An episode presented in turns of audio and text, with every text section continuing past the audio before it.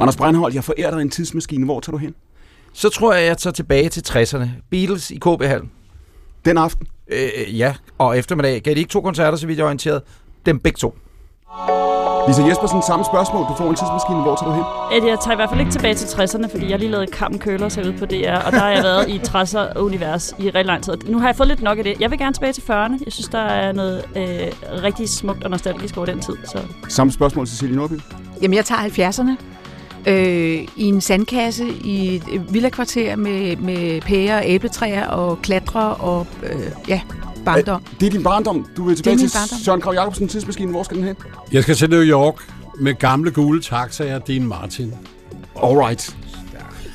Det er en, en så hvor taler vi årsmæssigt cirka hvor langt tilbage? Ja, 55 eller sådan noget, tror jeg, at der er rigtig smæk på derovre. Det siger Søren Krav Jacobsen. Han står ved siden af Cecilie Nordby. Hun står ved siden af Lisa Jespersen, filminstruktør, vinder af en Bodil for årets bedste film, Lisa. Ja. Og en Robert for årets bedste film. Ja. Kan det blive større? Øh, også en Robert for bedste manus og bedste Ja, instruktion. ja, jo, jo. Ikke? Men ja, nu startede vi bare fra toppen, ikke? ja. Du har selv sagt, der er pres på nu, ikke? Jo, det må man sige. Der er en drejerpris også, jo. Du har fået, Ja, også en der, der er ikke noget tilbage ja. at vinde, dybest set. Nej, det er jo det. Så det er jo bare, nu er det bare one slippery slope nedad, øh, tænker jeg. Og ved siden af Lisa Jespersen. Apropos Det kan jeg Slope. tale med Ja. om, det vil jeg godt sige. Det, det får I lov til om lidt. Der står øh, Anders Breinholt. Mit navn er Clemen Kærsgaard, og dette er stafetten, hvor fire gæster i to timer sender spørgsmål og svar videre til hinanden.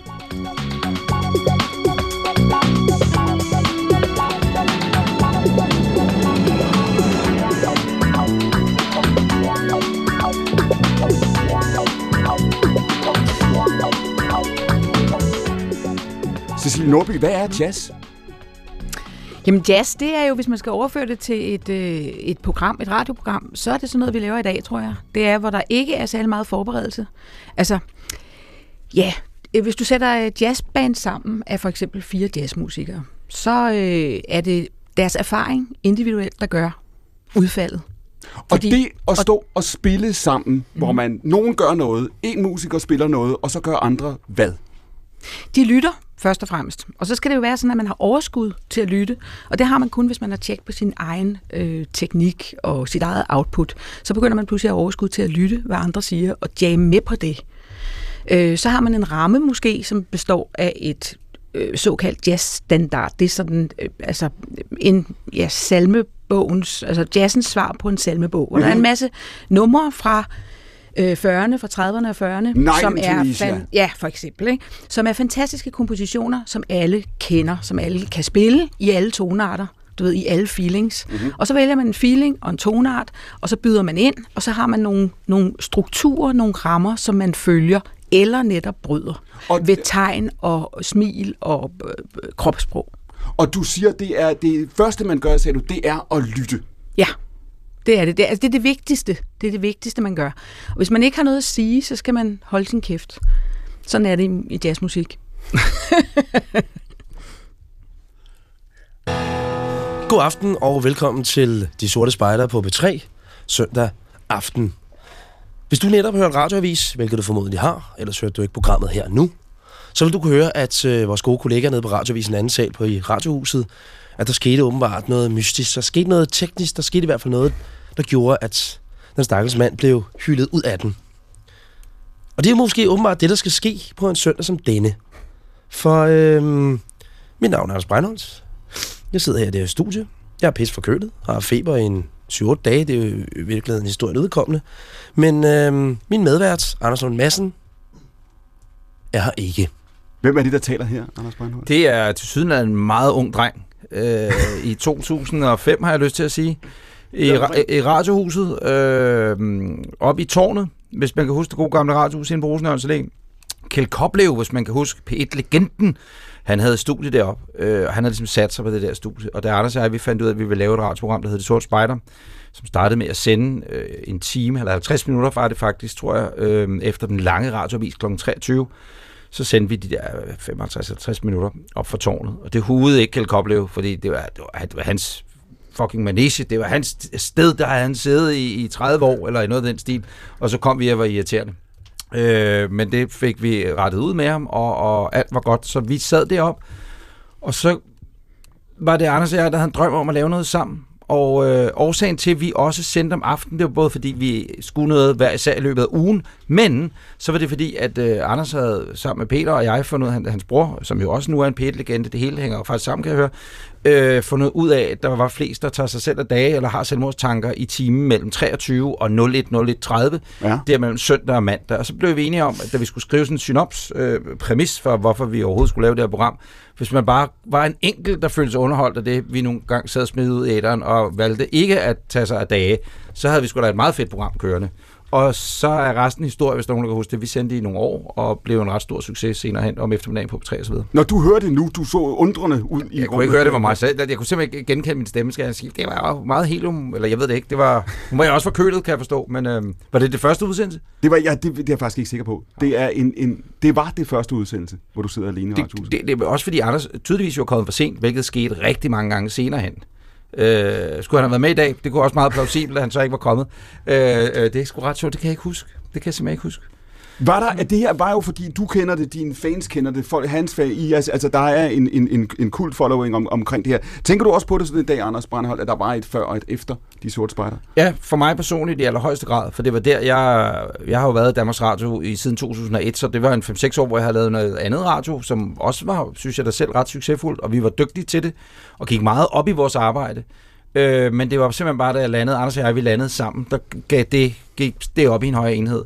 Så det betød rigtig, rigtig meget. Øh, en ting var, at, at, hvad vi gjorde sammen og så videre, fik lov til at gøre sammen, nok så vigtigt øh, og havde lyst til at gøre sammen, men, men jeg, en en masse af det, der har gjort, at jeg ikke havde kunne lave natholdet i 11 år og have mit eget talkshow og alle de her ting. Og er der også noget i det? Er der en eller anden form for gennembrud, hvor du tænker, vi kan noget her, vi kan, vi kan afvige fra reglerne, vi kan prøve noget, vi kan eksperimentere, og i det sekund, at det lykkes i, i en eller anden udstrækning, så bliver det hele noget andet, end det, det var. Ja, det gør det, men, men øh, det, det, det er en lang indkøring, og det tror jeg også nogle af de andre, der står her, i forhold til, hvornår man tør noget. Altså, der er en ting, at man har nogle intentioner om, man godt vil være på en vis måde, eller sige noget, eller nu vil jeg godt være rigtig provo good cop, bad cop, når man er sådan en radiomarkerskab, eller, og pludselig, det tager bare lang tid at finde ud af, hvem man så egentlig er, men når, man ligesom knækker den nød og finder ud af, okay, jeg kunne ikke være mere ligeglad med, hvad folk synes om mig. Det, det, man starter der, og så tænker, fordi mm. så har man en ret bred bane at spille på, ikke? Mm. Hvis man hele tiden skal tage hensyn til andre, så der var et læserbrev mig her der, øh, og, og hvad ved jeg, altså du ved, når man ligesom knækker den nød, sammen med en makker,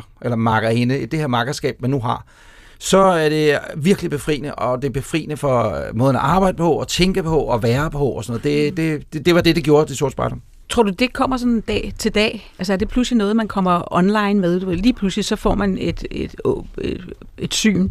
Nu er jeg ligeglad fra i dag. Ja, men nej, det, det er noget, der kommer. Det er en bold, der, der ruller, tror jeg. Ikke? Altså, det er noget med, at man, man jo afsøger sit øh, talent, eller det man, det, man nogle gange laver. At man afsøger det på en eller anden måde. Mm. Og så tror jeg, den, jeg tror ikke, der er en dag, hvor man skriver ind dagbogen, hvis man fører en sådan. Hov, det var sgu da i dag, at 25'eren faldt. Det tror jeg ikke nødvendigvis, det er. Men er det ikke sådan, den ruller frem og tilbage, den der bold? Jo, Altså, jo. Jo, jo, når nogle man, gange synes man, man er en helvedes person, og andre dage synes man, man ikke har så meget hat i. Ja, det der øh, har været det gode for mig, det er, at vi har fået lov til, eller jeg har fået lov til at udkomme meget. Øh, forstået på den måde, at så var der et nyt program dagen efter. Øh, det samme med natholdet, jamen så laver man en masse programmer. Alle kan nødvendigvis ikke være lige så gode, bare at bundniveauet det er ret højt i virkeligheden, når man udkommer med stor kadence.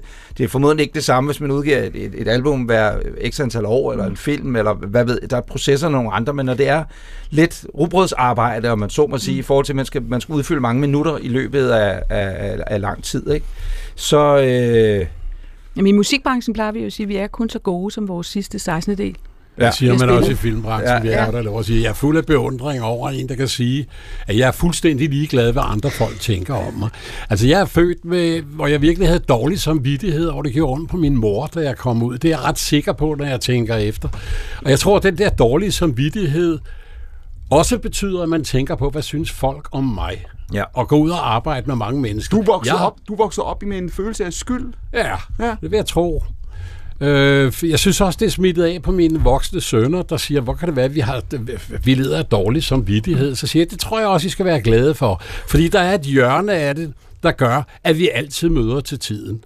Så du er under Anders Breinholt, når han siger, at jeg, jeg er der let ved at være ligeglad? Ja, for jeg kender sådan nogle øh, Anders Breinholt-typer, som jeg faktisk holder enormt meget af. Jeg var sammen med øh, Elit Nulle Nykær i går, og der er et eller andet, som jeg godt kan lide. Så tror jeg også, du er god til at være i nuet.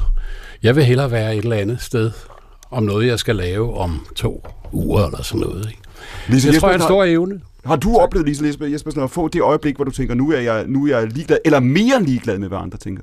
Ja, jeg synes, at jeg har det meget det der svingende, øh, at nogle gange, så, øh, så har man det som om, at man står på ligesom, toppen af verden, og andre gange ikke. Og da jeg sagde Bodil før, ikke, at Jo, det der med, hvad, hvor, når er det presset rigtig kommer ind, så tror jeg, det er fordi, det, det, øh, det, kan, det jeg tror jeg egentlig, at man burde sige, at når, når man får alle de her priser, så er der et eller andet pres, men jeg tror, at det pres, det kommer helt af sig selv, uanset om man får priser eller ej. Altså, så er det bare mm.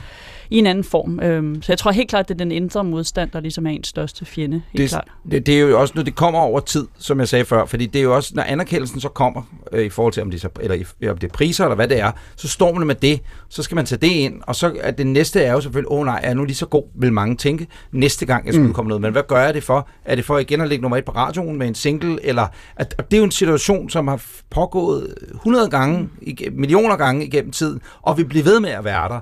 Øh, øh, og der vil jeg bare sige, lige nu går jeg og råder med, hvad jeg egentlig overhovedet skal foretage mig fremadrettet. øh, det, du, er, du er derfor, du er med i dag. Du er, du er med i dag, fordi vi skal finde ud af det her. Det er Ja, en ja, tak skal for- du have, Clement. Det er Øh, velkommen til. Ja, Nu præcis. kan vi afsløre, at nu skal... Ane Kortsen sagde engang så klogt mig, hun havde været til foredrag med en anden stor svensk øh, tv-vært, øh, mm, et eller andet guru inden for tv. Han havde så sagt, øh, prøv at høre, hvad andet, anden ting, jeg udkommer med, har været en kæmpe succes, og derved har hvad anden så også været noget rigtig lort. Ikke? Men Øh, sådan er, sådan er det jo Præcis, også. og, jeg- og det må det også godt være, fordi jeg Ja. tror, hvis man øh, forener sig med, at sådan må det gerne være, og så er det fuldstændig ligegyldigt i disse clickbait-tider, hvad folk skriver om dig, øh, fordi der skal nok være nogen, der ser eller hører dig alligevel. at ikke? jeg, jeg er virkelig glad for, at jeg er opvokset i en tid, hvor jeg ikke er blevet et hit overnight. Altså, hvor jeg har fået lov til... Altså, vi, vi startede i Streetbeat, øh, Nina Forsberg og jeg, som jeg i øvrigt mød- mødte på en højskole, som jeg senere sang i One Two med.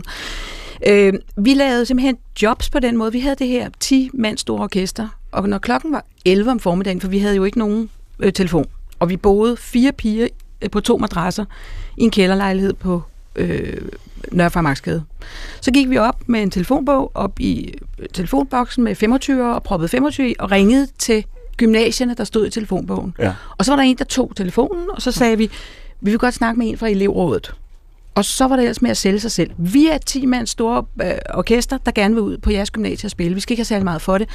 Og så rullede det jo, og så gik det jo øh, altså mund til mund. Altså, øh, og så fik vi en karriere op at stå uden at udgive noget, uden at øh, altså have en telefon simpelthen. Det er altså, stort set ligesom altså- i filmbranchen, når vi Ja. ja. skal ind på Filminstituttet, ikke? Altså, Ja. Så står man også med hår i postkassen og tænker, hej, jeg har en fantastisk fed historie der. Var Ja. det noget for jer? Og så Ja. er det jo bare ja eller nej. Jamen ikke? fuldstændig. Og i øvrigt vil jeg lige sige til succes, jeg synes, jeg har oplevet, at det er dybt korrumperende indimellem at have vundet priser. Altså, øh, efter mit fugene, hvor jeg fik en sølvbjørn og fik alverdens ting, altså, jeg kunne ikke tænke en ren tanke de næste halvanden år.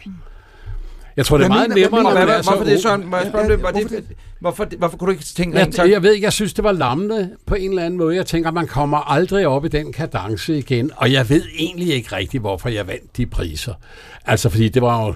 Altså, nu vi taler jazz, så var det jo filmjazz, vi lavede. Altså, det var ude med et kamera, og så skød vi, hvad der var at skyde Så på. var det så også en Og god så film, skal vi lige godt. måske også med til referatet. Ja, altså, øh, og bagefter, der vil jeg sige, der var jeg totalt tom. Og så lavede jeg noget fjernsyn. Cecilie, Ja, men- når du siger før det der med, fordi du siger... Må jeg afbryder dig nu, Clement, og stiller det- Cecilie et spørgsmål, fordi jeg var gigantisk Skal det fan af One Two. Altså sindssyg fan. Okay. Og I var jo, udover i, i, det var dengang man solgte plader, og jeg går ud fra, at I solgte rigtig mange plader, så den, karriere, den del af karrieren var der, var der styr på. Så var I, I blev superstjerner. Er vi ikke enige om det? Altså, Jo, I kunne jo vel nærmest ikke være i fred nogen steder. Så var der også hele det her øh, kvinde-feminisme-ting med, øh, jeg kan huske det coveret med I armene, armene, ja. og hele det der. Det må øh, at skulle opfølge på det, eller der har siddet en pladeselskabs øh, formodentlig mand og tænkt, øh, hvordan øh, sidder vi med katten og udtænker den næste store fede strategi om, hvordan de det, sælger det, lige så der var, det, det, der var så fedt, fordi at jeg kommer jo fra et, øh, et hjem, hvor begge mine forældre er klassiske musikere. Min mor er operasangerinde og har været ansat på det kongelige teater i 27 år.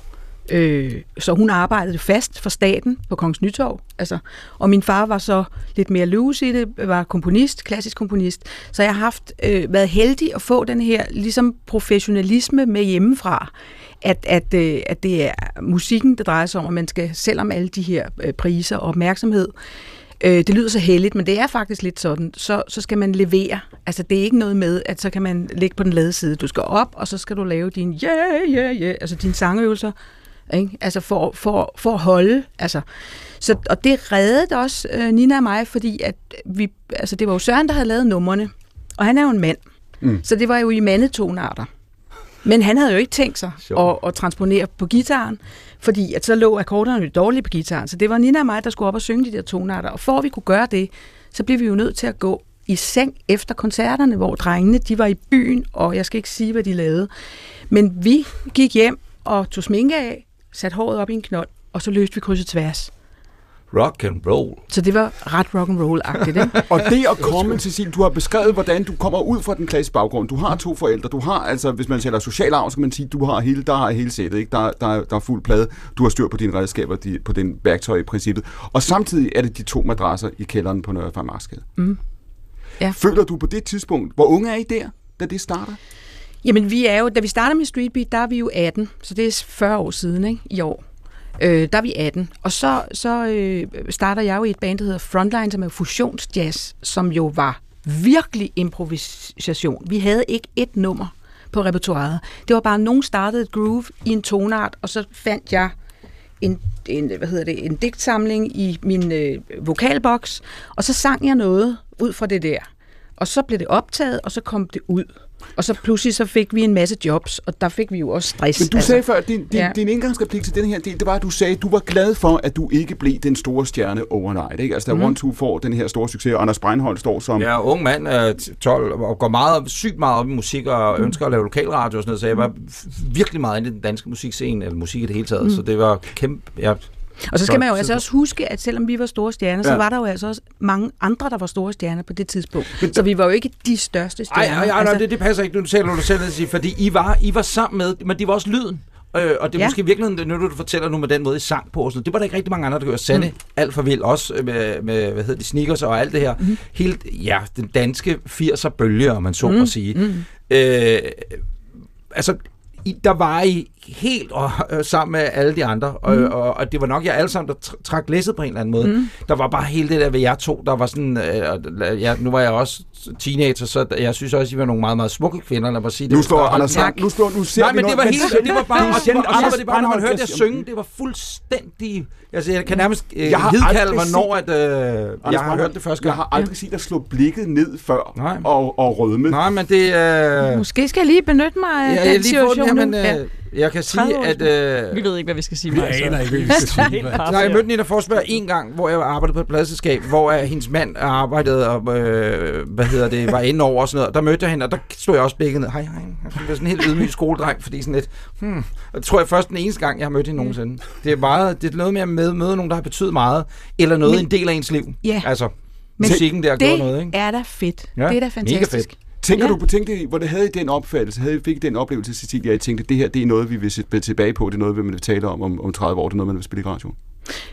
Øh, ja, det håbede vi jo på. Altså, det holder jo den dag i dag kan man sige. Altså det er også lydmæssigt faktisk. Altså øh, det, det er sjovt at, at, at, at, at, at opleve det på en eller anden måde. Ikke? Men for mig, der skete der jo så mange andre ting. Mm. Altså der har jo altid været måske jazzen eller den akustiske musik, som ikke fik den samme PR, som mm. ikke fik den samme opmærksomhed. Og folk sagde, spiller du aldrig nogen jazz? Og jeg bestilte ikke andet. Altså jeg spillede virkelig, virkelig meget jazz. Ikke? Men det havde bare ikke den samme, øh, det samme output. Så for mig var det sådan et liv med musik bare. Nogle gange spillede jeg jazz, nogle gange spillede jeg pop. Hvordan er det at have det ejerskab? Du har nøglerne her til noget, der, der spiller den rolle for, for andre, som det gør. Det folk har en fælles erindring om det, når tingene ligger på YouTube. Er der folk, der skriver ind, man kan gå ind, hvis der ligger, I ved, store amerikanske hits, så er der folk, der skriver, min far elskede det nummer, og jeg forbinder det med min barndom. Man er 10 og 20 og 30 Det har en enorm stor vægt, øh, altså tilbagebliksmæssigt. Øh, det har det i min, mus, i min musik, musikalske verden nu har det et, øh, et sted, som jeg er vild med, men det er ikke noget, der fylder særlig meget i min musik. Altså hvis du tager musikken udelukkende. Øh, fordi jeg var også, jeg var selv en turist i den musik, mm. fordi jeg kom jo fra den klassiske, og jeg kan huske, at, at min rytmik for eksempel, den var jo ikke særlig stærk. Den var jo ikke som en rockrytmik, så det måtte jeg øve mig til. Der var en masse ting, vi måtte øve os til, og så var vi også et band, så det var jo ikke noget, jeg tog dybt personligt. Altså, vi, vi delte ud af det, så vi var et band. Altså, Hvis man går på YouTube, kan man finde en, en øh, optræden til en dansk Grammy-uddeling, Cecilie Nordby, 1990. I på scenen. I spiller ikke et nummer, I spiller flere. Mm. Det er ikke playback, det er fuld instrumentering. I Mm. I ført hvad? vi havde vores øh, renaissance-jakker, rococo-jakker, og så havde vi øh, Og puderparrykker, men de var til gengæld rigtige. Det var nemlig ikke påsatte puderparrykker, det var vores eget hår. Og vi svedte helt, så det Og løb du, vi skal lige, vi skal lige understrege her. Det er ikke, det er ikke en sang, det er flere sange. Det er ikke et tv-studie, det er KB-hallen. Mm. Og du siger, I altså dybest set I er klædt, hvad der, hvad der ligner altså ægte tæpper næsten. Ikke? Ja, jamen, og det var lige så tykt som ægte til. Og ikke ja. bare jer, der står i for hele bandet, er I ført det her. Mm. Og I spiller live. Mm. Og hvad er der sker med mascaraen? Jo, altså så, øh, vi var jo en masse øh, solister den aften, og så make-up-artisten derude, hun havde åbenbart ikke mas- mascara nok til os alle sammen, så hun puttede vand i mascaraen. Og så sker der jo det, når man så får Ej. det på, og man begynder at svede, så sviger det helt vildt meget. Så jeg står jo og føler den og med lukkede øjne, og jeg kan simpelthen ikke åbne øjnene. Det er det, der er faktum. Det er, hvis der er nogen, der, hvis man står op i altså leksikon under 80'erne, så det Ja. var indbegrebet der, ikke? Ja. Var det ikke det år, Hans Otto Bisgaard? at Det var han nok Jo, det flere var gange. ham, Hans der var Otto vært. vært. Godfather, han har sådan en scratch show i øvrigt, tror jeg, i samme Og show. det- sådan det noget kan jeg. Sindssygt uh, tv-arrangement i øvrigt. Ja. Har du, lige, har du lige oprettet en quiz, du selv kan vinde det år? Jeg har skrevet ned, at øh, når Lisa laver sin næste film, altså jeg har tre teenagepiger derhjemme, ikke? Jo. Øh, og Kate Bush, Running Up That Hill, er det, det største nummer, det er, som ungerne hører i øjeblikket på grund af Stranger, Stranger Things, Things, som det er den er med i. Det er. Det, der sker med øh, TikTok, øh, og, og, og de her forskellige tv-serier, hvor der er musik, der bare får helt ud af det blå, får det bare et kæmpe comeback. Et one-two-nummer i en kommende... Mm. Jamen, jeg er fuldstændig altså, med. Altså, vi havde jo rigtig meget dansk musik med i kraverne også, ikke? Altså både øh, Thomas Helmi og D&D og øh, Rock Casino. Rock Casino, ja, og Gnax, tror jeg, vi havde med. Mr. Nej. Swing King, ja. ja. præcis. Og vi, der var jo nogle, der, nogle af de store danske kunstnere, som sagde nej, øh, og vi blev meget kede af det, og jeg vil ikke nævne, hvem Og det er. Two, der, hvad det nej, nej, nej, nej, slet ikke. Det var ikke sådan. Men der var nogen, der sagde nej, og vi blev meget øh, farvet over, at de ikke havde lyst til at have deres musik med i filmen. Men, øhm, og det var nemlig, jeg tænkte, det kunne være lidt et comeback-ting. Og jeg synes, det er helt vildt med Stranger Things. Altså, Running Up That Hill har jo aldrig været så stort nogensinde, som det er nu. Altså, det var ikke engang dengang. Nej. Det er nu, Så- det har dens peak nogensinde. Så i de næste film, der er det one, two? Øh, det kunne det sagtens være. Det kunne det sagtens være.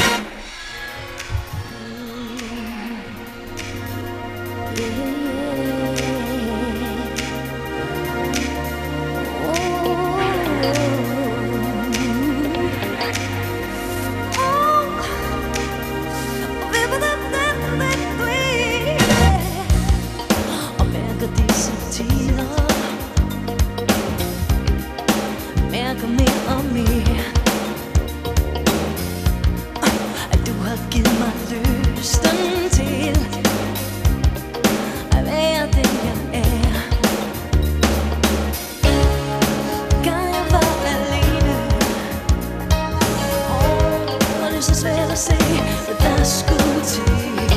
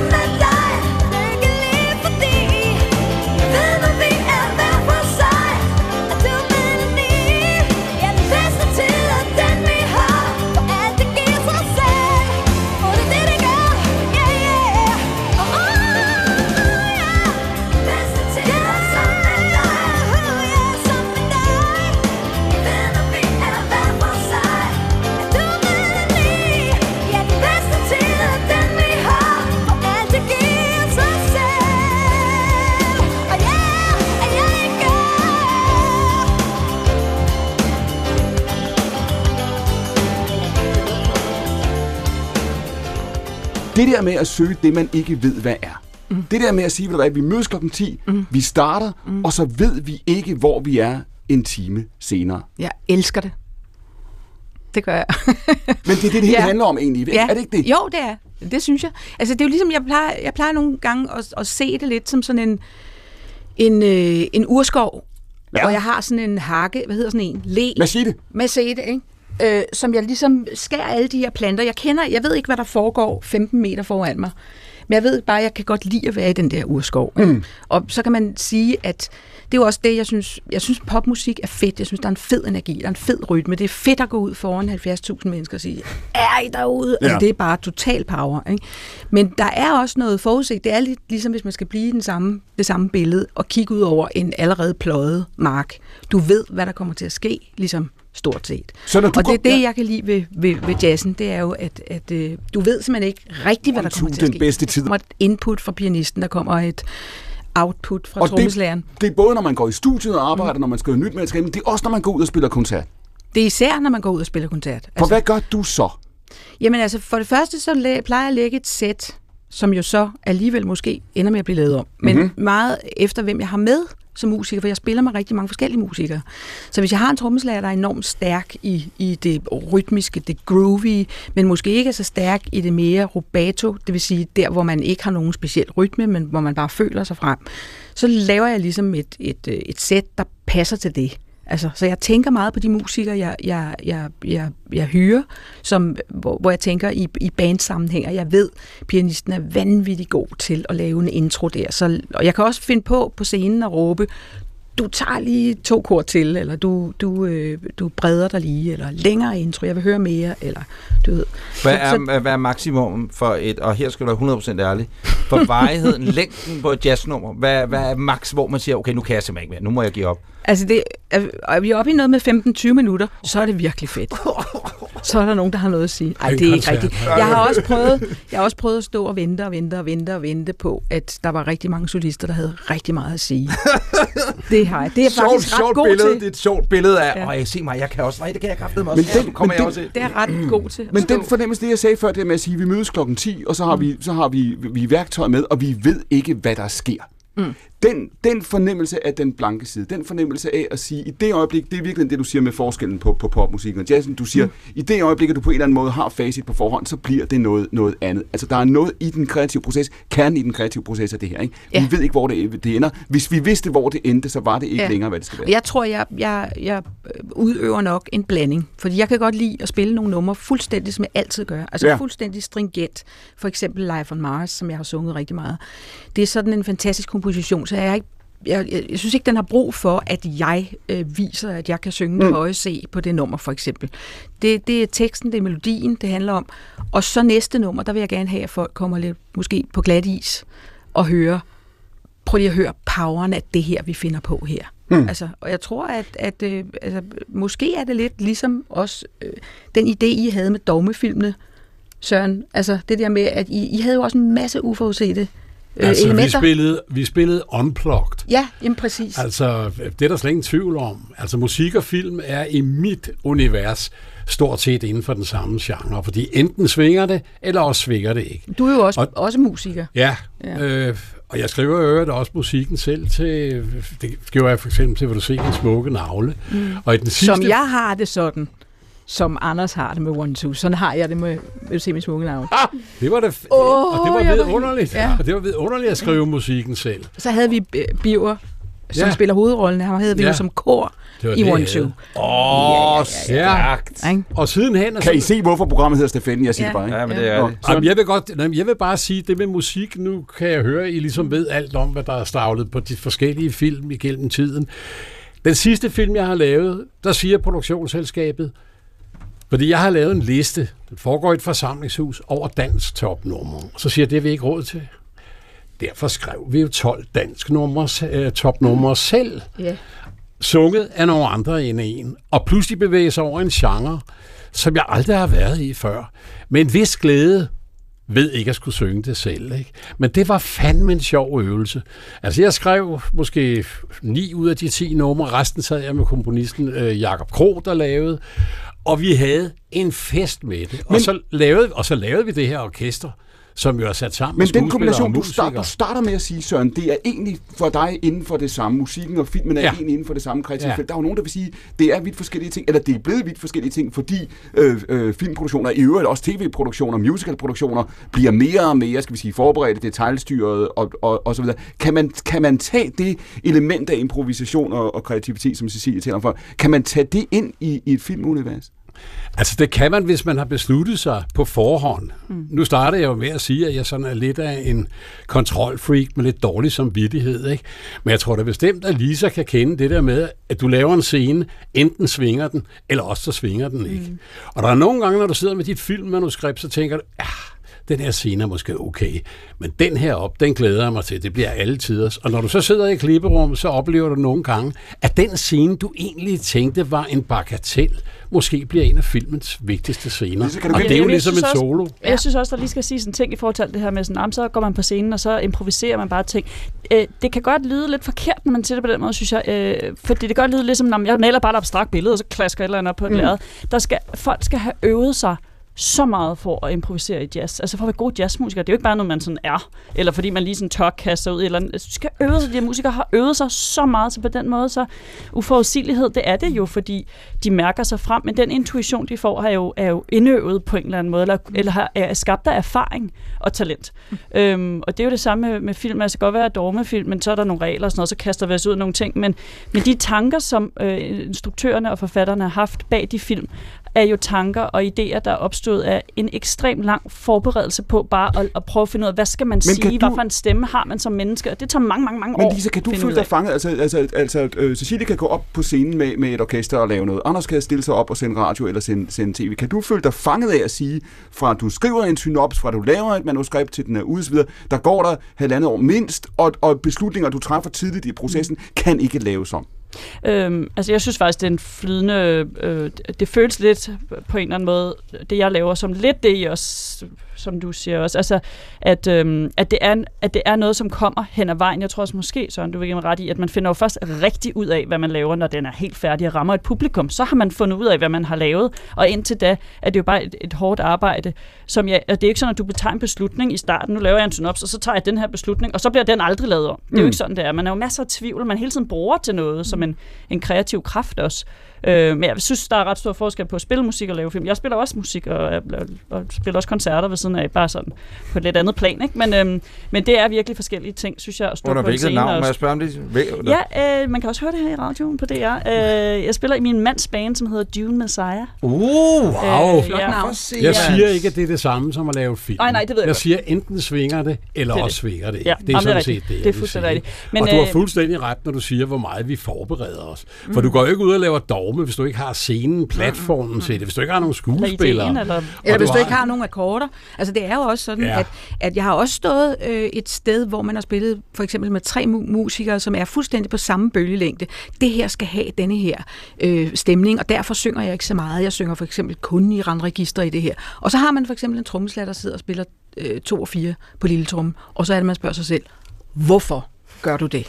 Altså, og det er lidt ligesom en samtale. Altså, hvis jeg lige pludselig er begyndt ud, ud fra ingenting at snakke om lastbildæk, mm. meget indgående, så vil jeg også stå og tænke, hvad fanden? Altså, Og alligevel blive lidt besnæret af det, vil Ja, jeg du- sige. du Hvis du, det er- det er- altså, du du ved, vulkanisering af dæk, Du er, så vil jeg bare du sige, jeg må bare, Hvad er der galt jeg må bare det, sige, jeg? Nordby, det var det, altså det gav et eksempel, når man har Anders Breinholt stående i studiet, ikke? fordi der, der, åbnede du, der åbnede du lige, der er et udtryk, når du siger det med improvisation før, der er et udtryk i, i, øh, i impro, øh, i teatersport, hvor man siger, yes and. Hvis du og jeg øh, spiller en sketch, og jeg åbner døren, og jeg siger, goddag, er dette den bedste restaurant på Mars, så må du ikke sige, dette er jo ikke Mars, vi er i et radiostudie, så skal du sige, ja, det er det, og yes and.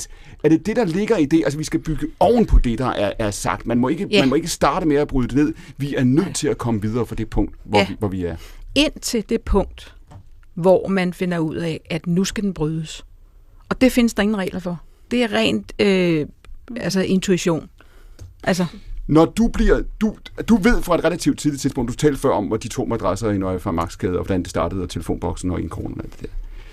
Øhm, fra du ved, at det her, det, det kan du, og det skal du, eller det vil du på et eller andet tidspunkt, og til du står, hvor du står i dag.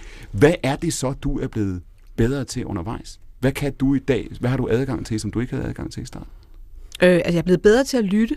øh, synes jeg, og jeg er blevet bedre til at, øh, at forudse de her, altså denne her øh, fuldstændig rodet regnskov, som jeg snakkede om før, øh, at der kommer temmelig sikkert sådan og sådan og sådan, øh, så derfor har jeg lyst til at gøre sådan og sådan og sådan. Altså det er jo, det er jo erfaring, og det tror jeg, vi alle sammen har.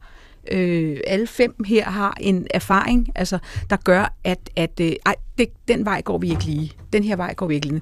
Og så også tør at kaste sig ud i noget, som er usikkert, fordi at vi jo trods alt har, altså man, når man bliver ældre, så har man jo en erfaring, som man kan læne sig op af. Altså, hvor galt kan det gå? Og der er også grænser for, hvor pinlig man kan blive over sig selv. Kan man- man, og så skal man også videre. Du Kan ved. man blive bedre ja. til at blive inspireret? Ja, det er med at åbne op og, og altså lytte igen, altså hvad der foregår rundt omkring en, øh, og, og øh, interessere sig for, for mennesker, hvad du, mennesker siger. Så du hører ting, og, altså, både omkring dig, men altså, du, men også, måske også lytte til sig selv i virkeligheden på en anden måde? Eller sin egen Ja, det, det er også vigtigt. Det er også virkelig vigtigt. Altså, for det er sådan en, det er sådan en øh, øh, indadvendt og udadvendt øh, opmærksomhed. Altså, der er jo nogen, der siger, der er nogen, der har lavet rapporter om det her, altså, du ved, skrevet alt muligt PhD'er omkring det. Og der er nogen, der kalder det jævnt svævende opmærksomhed. Og det synes jeg er rigtig fedt. Fordi Det er jo... fænomen. Ja, det er ret fedt, og det, det er jo... Jeg har engang altså, været til en koncert med det band, jævnt svævende. Det er. Opmærksomhed. Ja. Men må jeg ikke sige om inspiration? Fordi jeg synes, det er sjovt at tale om inspiration, for det er jo klart, det har vi ind imellem. Men jeg oplever med alderen, at man går ud og ind af nogle rum, så er man fuldstændig absolut ikke inspireret. Pludselig kommer du ind i et rum, i stedet, altså, så åbner du en dør, og så begynder du at tage fat i toget, og så trækker du, og så er man vildt inspireret, for eksempel i seks måneder. Og så kan jeg sagtens være fuldstændig tom og tænke, hvor fanden kom det fra? Overraske dig selv. Så det der med- svært er det? Og en ting er, når man arbejder sammen med andre musikere, og man bliver inspireret af, eller taget hen i stedet af, hvad de gør. Hvordan kan man overraske sig selv? Kan man, kan man sige, det her vidste jeg ikke, jeg kunne? Øh, det kan man godt, men det kan man jo kun, hvis man kaster sig ud i det, altså fra, øh, fra toppen af en bygning. Altså, øh, og det, det øh, ja, It's a god awful small affair fedt nok. to the girl with the mousy hair. For the mommy yelling no, and her daddy has told her to go. But her friend is nowhere to be seen. Now she walks through a sunken dream to the seat with the clearest view, and she's hooked to the silver screen. But the film is a sad and bore, for she lived it ten times or more. She gets spit in the eyes of fools as they ask her to focus on sailors fighting in the dance hall. Oh man, look at those came and go. It's in the freaky show. Take a look at the low man beating up the wrong guy. Oh man, wonder if he ever know. He's in the best-selling show. He's alive on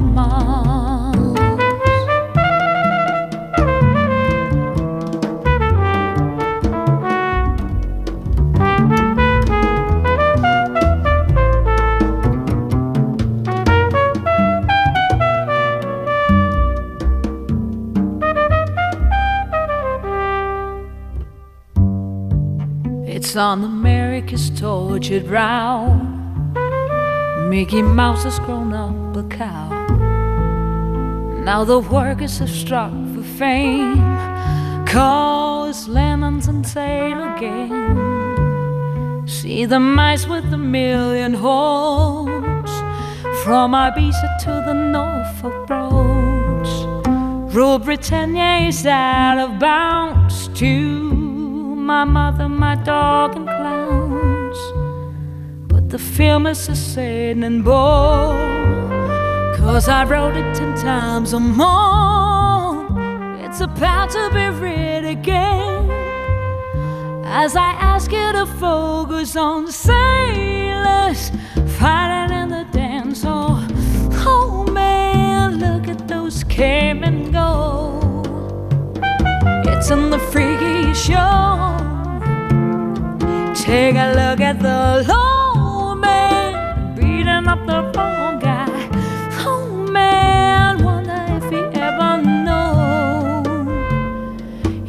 best-selling show. It's alive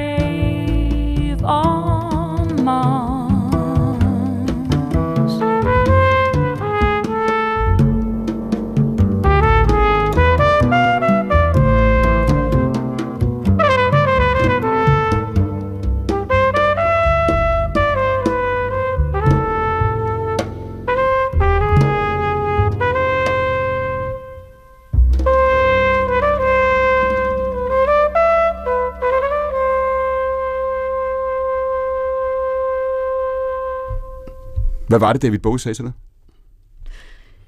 Han sagde jo, øh, oh, hello, you must be Cecilia Norby. Sa- You have stop. probably uh, played this song a lot more than I have. Og resten kan jeg ikke huske, for jeg var simpelthen for starstruck. Hvad Jeg kan simpelthen ikke huske, hvad vi hvad snakkede tænkte om. du, da han tog ordet, da han kommer forbi? Hvor er du møder ham? Jeg møder ham backstage i Vega i 99. Han havde en gul trøje på, og han var ikke særlig høj. Altså, det er jo relativt. Jeg er jo ret høj. Men Ja. han, ja, han, han gik mig Du har- til sådan lidt halvt hoved lavere end mig, ikke? Ja, og så jo. en enorm udstråling, og så de der to, tofarvede øjne der, ikke? øh, det, var, det var helt fantastisk. Du har udgivet nummeret på det her tidspunkt, han har hørt det. Ja, det var et interview, han lavede med ABC øh, i USA, som mit pladeselskab Blue Note havde hørt. Jeg har ikke selv hørt det. Hvor han sagde, at øh, han havde det stramt med folk, der lavede covers af hans numre, men der var en eller anden dansangerinde, han kunne ikke huske, hvad jeg hed, på Blue Note, der havde lavet et fantastisk arrangement af det her nummer. Og det blev jeg jo super glad for, for jeg er jo mega fan. Altså. Det siger Cecilie Nordby. Hun står ved siden af Søren Krav Jacobsen og Lisa Jespersen. Lise Jespersen, hun står ved siden af tv-verden Anders Breinholt. Det her, det er stafetten på P1, programmet, hvor fire gæster i to timer sender spørgsmål og svar videre til hinanden. Mit navn er Clemen Kærsgaard, og vi er kun halvvejs. Der er en time tilbage, faktisk er vi ikke engang halvvejs, der er en time tilbage. Den starter om et øjeblik, det gør den efter en radioavis, der kommer her. Dette er Danmarks Radio program 1, og klokken er 13.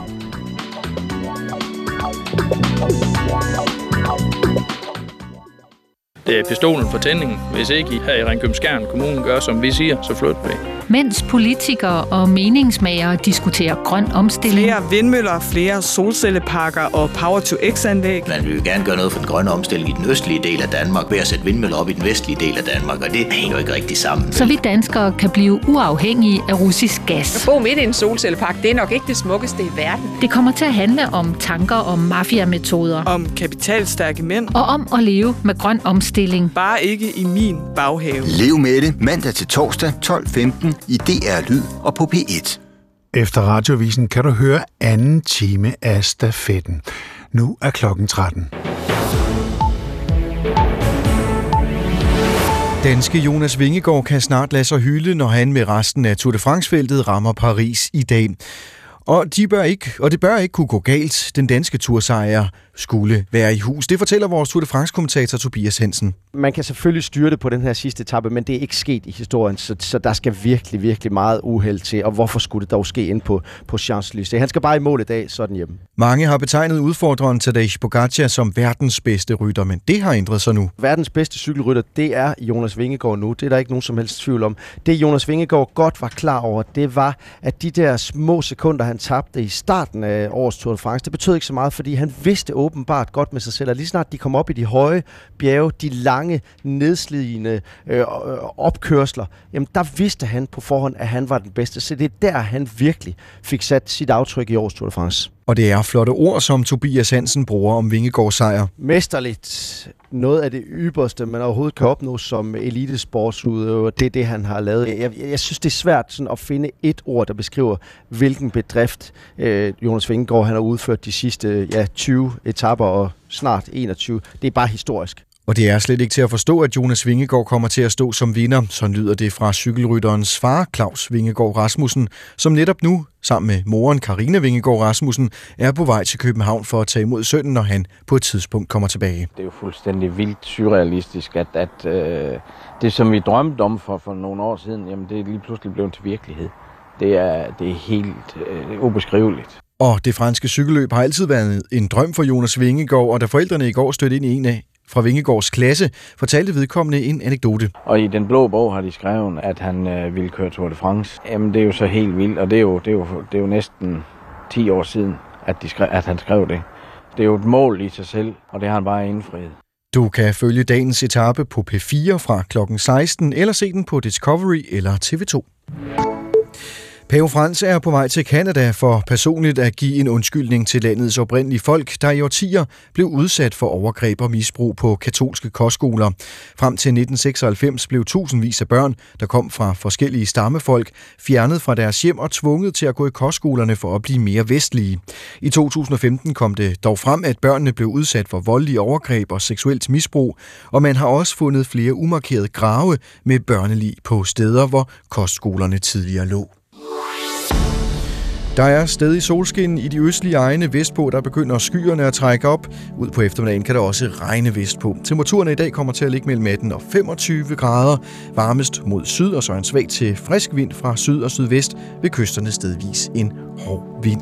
Og det var radiovisen med Daniel Enhus. Anders Breinholt, savner du at lave radio? Ja. Hver dag? Ja. Det siger Anders Breinholt i studiet. Står en tv-vært, en jazzstjerne og ikke færre end to filminstruktører. Det er Anders Breinholt, Cecilie Nordby, Søren Krav Jacobsen og Lisa Jespersen. Mit navn er Clemen Kærsgaard, og dette er stafetten på P1-programmet, hvor fire gæster sender spørgsmål og svar videre til hinanden i to timer. Vi er her nu frem til kl. 14.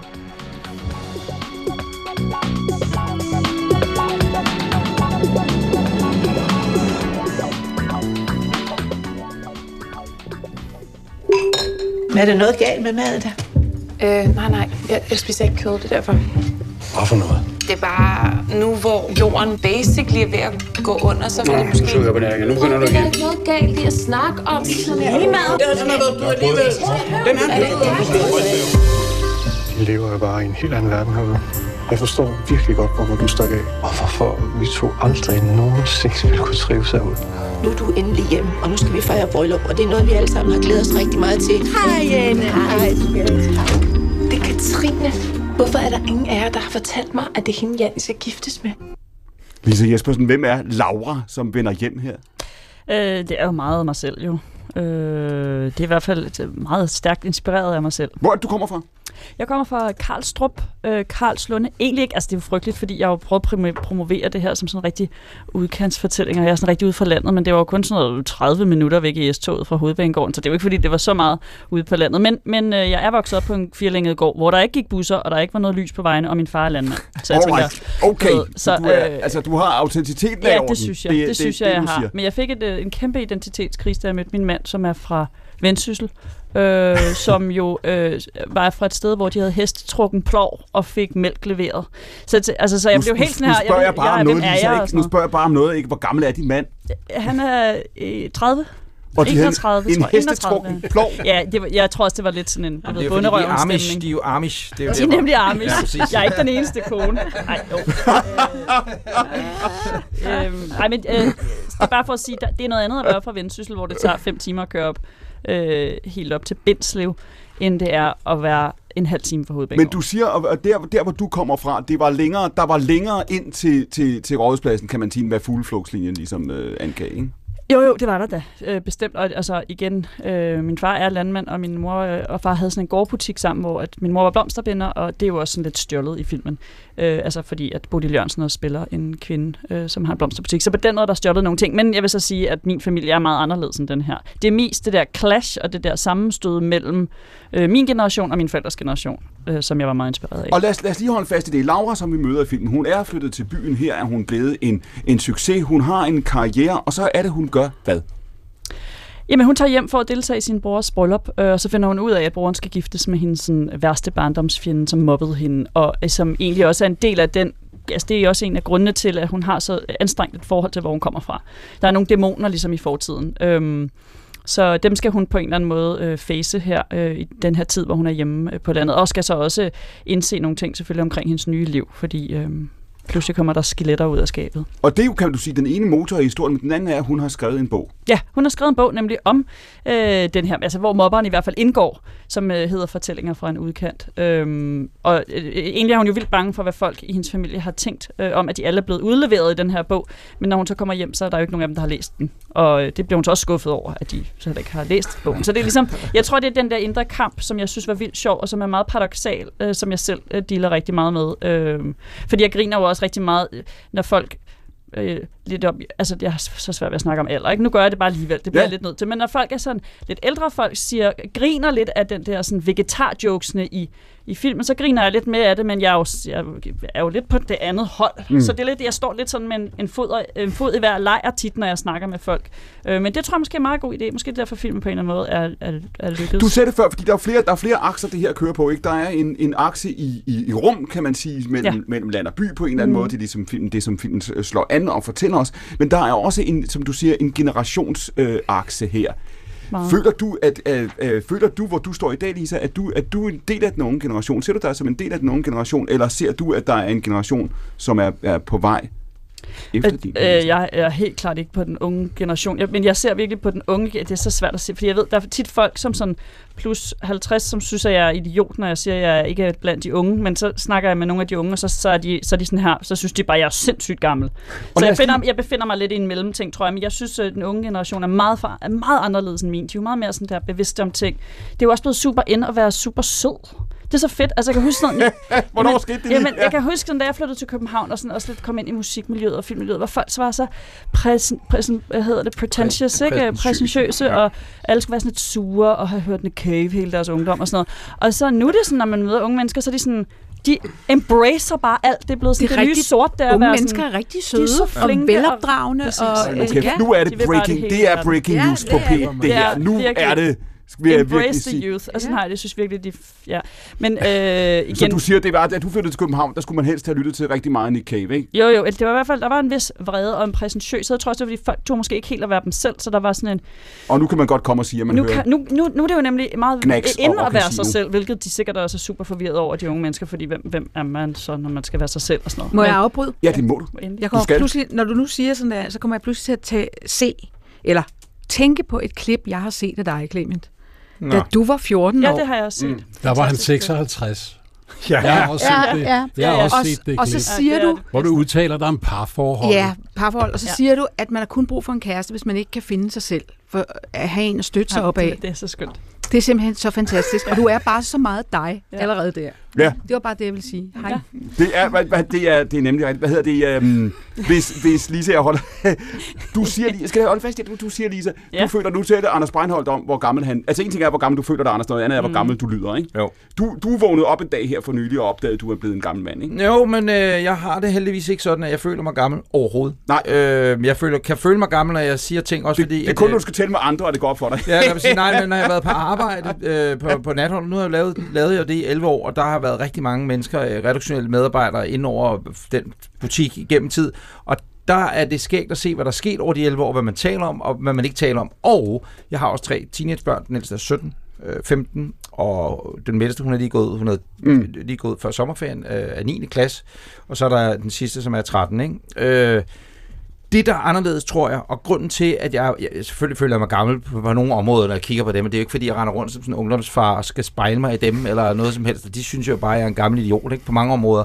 Forhåbentlig ikke en idiot, bare gammel. Men det, der jeg tror, der er anderledes end med vores forældre, for eksempel, generation, det er, der var få ting, det var musik for eksempel. Dire Straits kunne vi godt blive enige om var fedt. Eller ja. Knacks, eller One Two, eller hvad det nu måtte være. Tænker, nej, men det var det musik, der blev spillet i hjemmet, det hørte vi alle sammen. Ikke? Jo. Skide godt. Linje 3-plader, kan jeg huske. Uh, Monrad Rislund og sådan noget. Det var det, der blev hørt hjemme hos os. Ja. Uh, og, og alt muligt andet også. Nå. Klip til, at i dag, der er det det samme serie, vi ser. Mange, altså stor del af det underholdning, vi får, eller film, eller hvad det er, så tager vi børnene med, eller de tager os med i biografen, og så ser vi noget sammen, som ikke kun er en Disney-film, som det måske var, da vi var yngre. Altså, nu skal vi rigtig ind og se en børne- og ungdomsfilm. Nej, nu går alle ind og ser en børne- og ungdomsfilm, for den er ikke måske en børne- og ungdomsfilm. Det er en film med, hvad Jeg tænker, den vi film... ligner hinanden mere øh, på tværs af generationerne jo længere. Altså. Kan du Præcis, fordi den, de inspirationer, vi får, er at samme øh, du- suppe, vi fisker af, eller hvad man siger. Lisa, du siger, at det er gået op for dig. Når nogen over 50 siger til dig, du er da ung, så tænker du, det er jeg ikke. Hvornår gik det op? Hvornår, hvornår begyndte du at, at, at, at se dig selv som forskellig fra den yngre generation, dem der er unge nu? Jamen, altså, nu har jeg lige fået et barn, så det gjorde jeg også en ting. Ikke? Altså, jeg kunne ikke lige pludselig øh, tage på turné med mit band i tre uger igennem Europa og være fuld alle hele tiden. Og sådan noget. Altså, lige pludselig begyndte man sådan også bare at omgås ældre mennesker. Men altså, øhm, øh, det er nok øh, efter jeg blev øh, 30, tror jeg. 30 var et kæmpe stort skift for mig. Det var sådan en kæmpe livskrise nærmest, sådan aldersmæssigt. Hvorfor jeg var ikke i 20'erne længere, og 20'erne var bare så markant den tid. Og nu lige pludselig står man ligesom over for en, for en helt anden tid i sit liv, hvor, hvor nogle af de største ting, der sker i ens liv, jo sker. For eksempel at få et barn, eller beslutte sig for, øh, at det er ikke fordi, man ikke kan leve om på de ting, men Mm. mm. hvem skal man være sammen med i sit liv, og hvad er det egentlig, man skal med sin karriere? Altså, de ting bliver jo sådan meget fastlåst i 30'erne, hvis man lever et sådan Skal man have en hestetrukken plov? Det er det, du siger. Skal man have den på? Jamen, jeg, hver dag jeg jo på boligsiden og kigger på det der landsted, jeg gerne vil have. Skal jeg, skal jeg ikke flytte ud af byen og sådan noget. Kæmpe store beslutninger. Så for mig var det bare sådan serious nu at komme i 30'erne. Øh, Jeg kunne ikke Men du længere siger, bare... der er, du siger, der er også et værdiskred. Altså, du siger ja. Også, du, når du ser på, på dem, der er unge nu, altså yngre end Mm. du selv er, siger du, der er klart noget. Du mærker også, måske også, at de er en tydeligere generation, de til at få øje på, på en måde, som din egen generation ikke Jamen, jeg synes faktisk, der er blevet sagt mange ting i dag, hvor jeg lige synes, vi skal huske geografi. Fordi øh, der er både blevet sagt sådan noget med alle i skolen i, på 18, øh, altså øh, det er ikke for at sige noget imod, men altså det der med, at vi alle vil gerne være filminstruktører, og vi ligner hinanden på tværs af generationer. Og der tror jeg altså bare, at der er også noget med at bo i København og være i København, at der er altså sådan en... Helt sikkert. Øh, Helt der, det er bare noget andet, Ja. end at være øh, i Viborg, eller ja. nede på ved Nørre Alslev, eller være øh, oppe ved Hirtshals. Og det er ikke fordi, jeg siger, at- at folk ikke kan tage deres børn i biografen i Hirtshals og se den samme film, men der er bare stor forskel. Enig. Øh, hvis du gerne vil være vogue, ung menneske og være veganer, så er det altså sværere, når du er oppe i Hirtshals. Eller, og det er ikke fordi, igen, man er nødt til at generalisere for at snakke om de her ting. Det er super generaliserende, men bare for at prøve at snakke om tendenser, så synes jeg i hvert fald, at der er stor forskel på København og resten af Danmark. Men lad mig lige holde fast i den der, at du kan se, altså du kan få øje på den unge generation, trods alt, også på trods af de geografiske forskelle. Altså du ser, at de, altså, at de tænker på en anden måde. Du, de, som får dig til at føle, at, at de har en anden dagsorden til at tænke på en anden måde, end du gør. Ja, altså, men igen, du skal ikke engang, så, altså, jeg nødt til at holde fast, i, du skal ikke engang langt væk fra København. Nej, Nej. Du skal bare op til Virum, så er det anderledes. Så synes jeg, altså, jeg synes, det er meget dem inde i byen, der er super woke og unge, og, de, og, og, og være super flinke, apropos det, vi snakker om. Mm, Jeg men ved jeg- ikke helt, hvordan det er, når man kommer... Men jeg kan ikke være med at, at, at tænke på, altså du, jeg ved ikke, om du står også og tænker lidt over det, at der, der Altså, bliver... jeg synes, når man er vokset op med nogle forældre, der havde to plader, og den ene var Louis Armstrong, og den anden var Cavalleria Rusticana, ikke? Mm. så tænker jeg, hvordan fanden er man egentlig kommet igennem livet? Jeg gik sgu da ikke i biografen med mine forældre, det havde jeg da ikke råd til. Nej. Altså, men Jeg det klarer den alligevel, og vi får tit at vide, at de unge, alt lå tilrettelagt for jer. I høstede alt, og bør, bør, bør, det har jeg hørt flere gange, hvor jeg nogle gange sådan ydmygt siger, jamen der var jo kun 12. Der var kun én tv-kanal, og der var 12 spillefilm mm. om året. Ikke? Mm. Men altså, jeg- det er en, lidt af en myte af min generation, de ligesom voksede op, hvor det Den hele der, bare pointe før. Cecilie, den der pointe før med at sige, at de unge er, er søde, de omgås mm. på en anden måde. Der er en måske en form for tolerance eller frisind faktisk mm. i øjeblikket i tiden, som, som faktisk adskiller sig fra, Mm. hvad vi kendte for 20 eller 30 år siden. Kan du genkende det? Øh, det kan jeg sagtens, men jeg synes, at det der med alder, det er noget meget, meget flydende. Og jeg kan ikke lade være med at, at, at stå og tænke på, at, at øh, man er meget alder, aldersfokuseret, når man er yngre. Altså, det minder mig virkelig om, at jeg skulle igennem sådan en operation for en fedtknude for nogle år siden. Og jeg, jeg skulle, altså, jeg skulle simpelthen, øh, altså bare, hvad hedder det, nærservers, hedder det på svensk. Jeg, kan, jeg har en svensk mand. Hvad hedder det, når man, når man øh, blacker out? Narkose. Narkose. Fuld narkose, ikke? Hvad siger du, det hedder på svensk? Nærservers. Ja, ja. det er også et godt Ja, det bandnavn. er fedt, der. ikke? Der er, Ja. der er, Ja. net servers. Men, ja, net servers. Men i hvert fald, der, der snakkede jeg med overlægen, og så sagde jeg, jeg er bare virkelig bange for det. Jeg er bange for det, jeg er bange for at dø, jeg er bange for min sjæl, skal jeg, skal jeg vågne op øh, som en anden eller noget. Og så sukkede han lidt, så sagde han, åh ja, der er så nye i at være gamle, siger han så. Og det forstod jeg virkelig godt. Fordi at han mente, altså folk, der virkelig har været igennem det her system, og er blevet net-servert syv gange, de er ikke så bange for det mere. Og jeg tror også, at den her aldersting, som Lisa snakker om, det der med at pludselig, at det betyder noget med alder, og man pludselig opdager, når buschaufføren er yngre end en. Mm. Altså, det er jo, det er jo, altså, det, Ja. er, Sjovt det er jo helt faktisk. vildt, ikke? Ja, ja, ja. Altså, eller selv statsministeren er yngre end en, ikke? Shit, mand, det går jo slet ikke. Det, er, det, er en, det hører til en tid omkring øh, 30-40'erne, og så når man, og jeg ved ikke, om du kan genkende til det, Søren, når man så bliver lidt ældre, så, det ligesom, så bliver man jo vant til, at jamen, hvor er vi gamle, jamen, hvor er vi gamle, nu bliver vi endnu gamle, nu kommer der lige- endnu en Jeg generation. holder lige fast i den svenske overlæge der, der siger mm. til dig, åh, jer der er så nye i det at være gamle. Ja.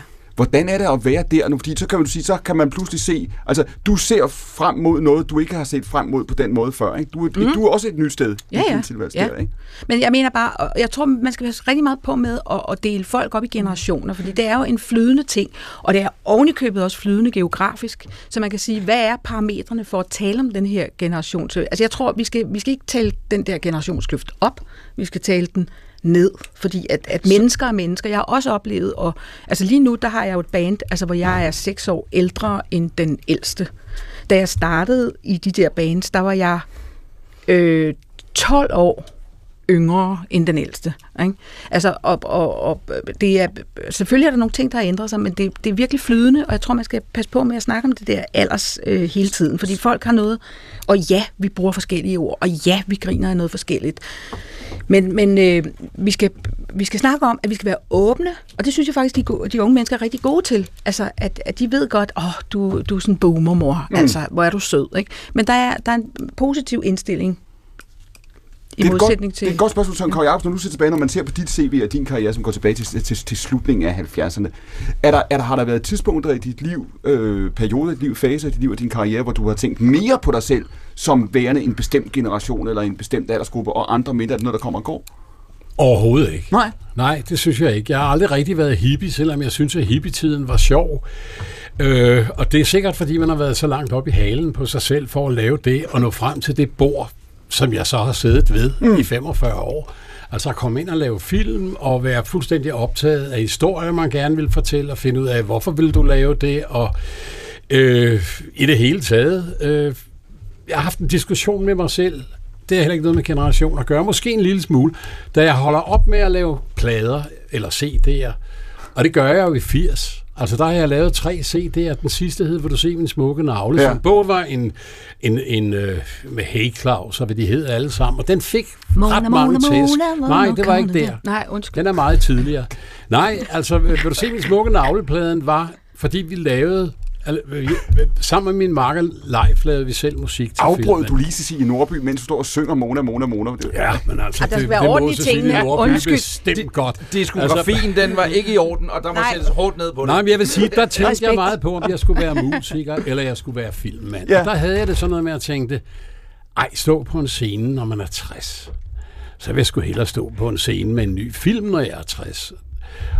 Og det forfulgte jeg, indtil jeg blev kaldt til orden i 2002. og Af fik P3, lavet af det. P3, ja. Ja. hvis P3 lytter. Jeg skal sige, Nordby, du sagde det faktisk allerede i time 1. Hvad var det, se min smukke navn betød for dig?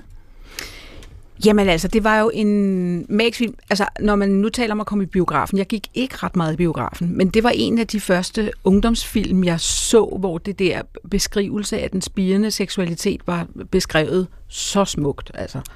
Øh, og, og, og Biver øh, var jo gudesmuk og toplækker, og, øh, altså, og, og det var bare så romantisk. Og han og kom med, man i- var det, sagde du han kom med i bandet? Ja, han sang kor i One Two. Ja. Nu spørger jeg Så, lige med. øh, Anders ja. Lund Madsen spiller han ikke? Nej. Nej, Hvad, det var ikke den. Hvilken Nej. film var det, han var med i? Han var med i... Han var også med i en af ungdomsfilmene. Ja, det var han Jeg kan nemlig. ikke huske, hvem det er. Altså, det her er jo 18 unge og et lille bitte filmhold, der tager til Sverige mm.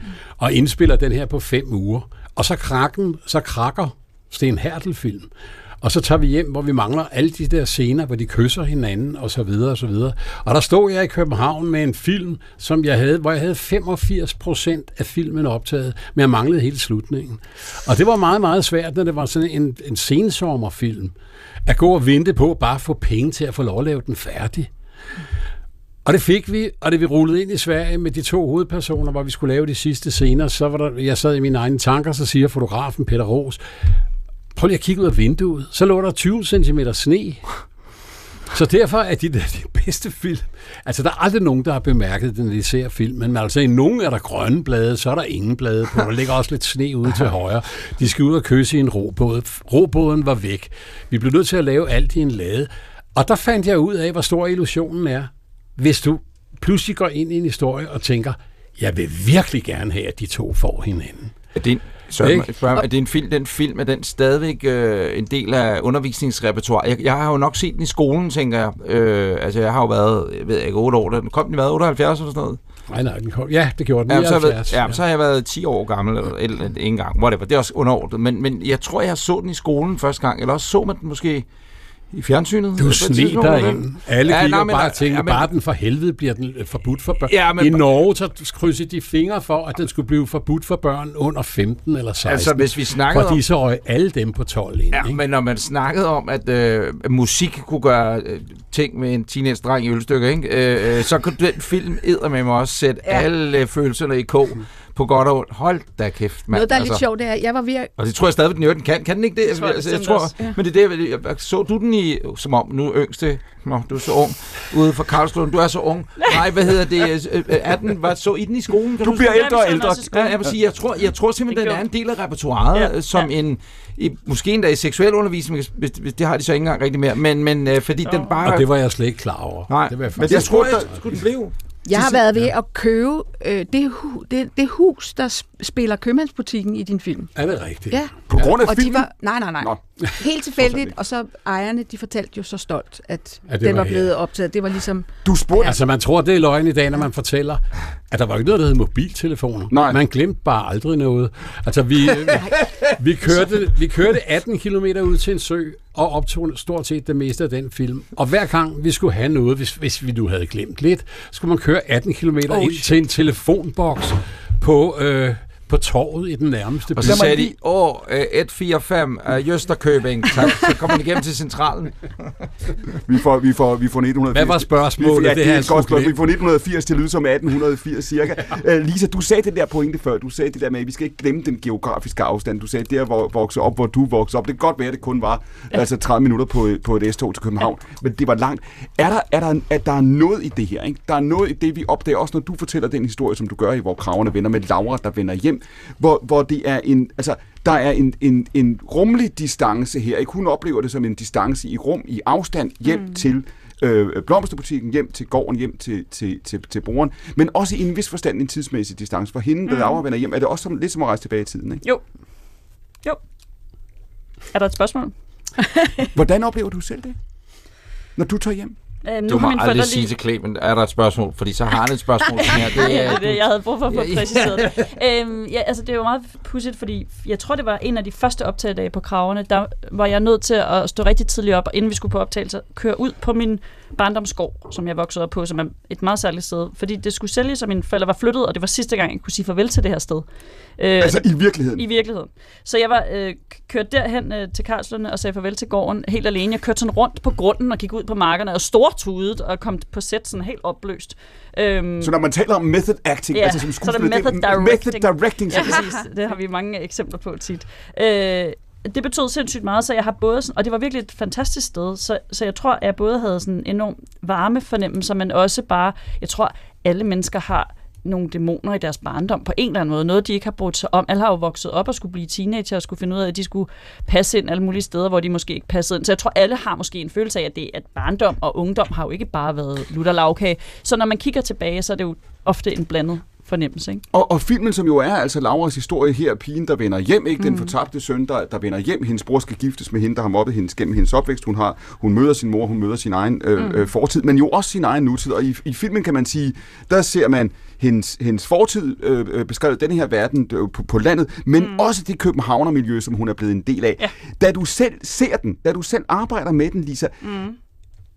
bliver det en anden film, end du troede? Er de nogle andre mennesker, end du troede, de var? Dem, der er på der? Øhm, nej, egentlig ikke så meget, mere. jeg tror, dem i byen blev måske gjort lidt mere grin med, end jeg havde forestillet mig, de ville.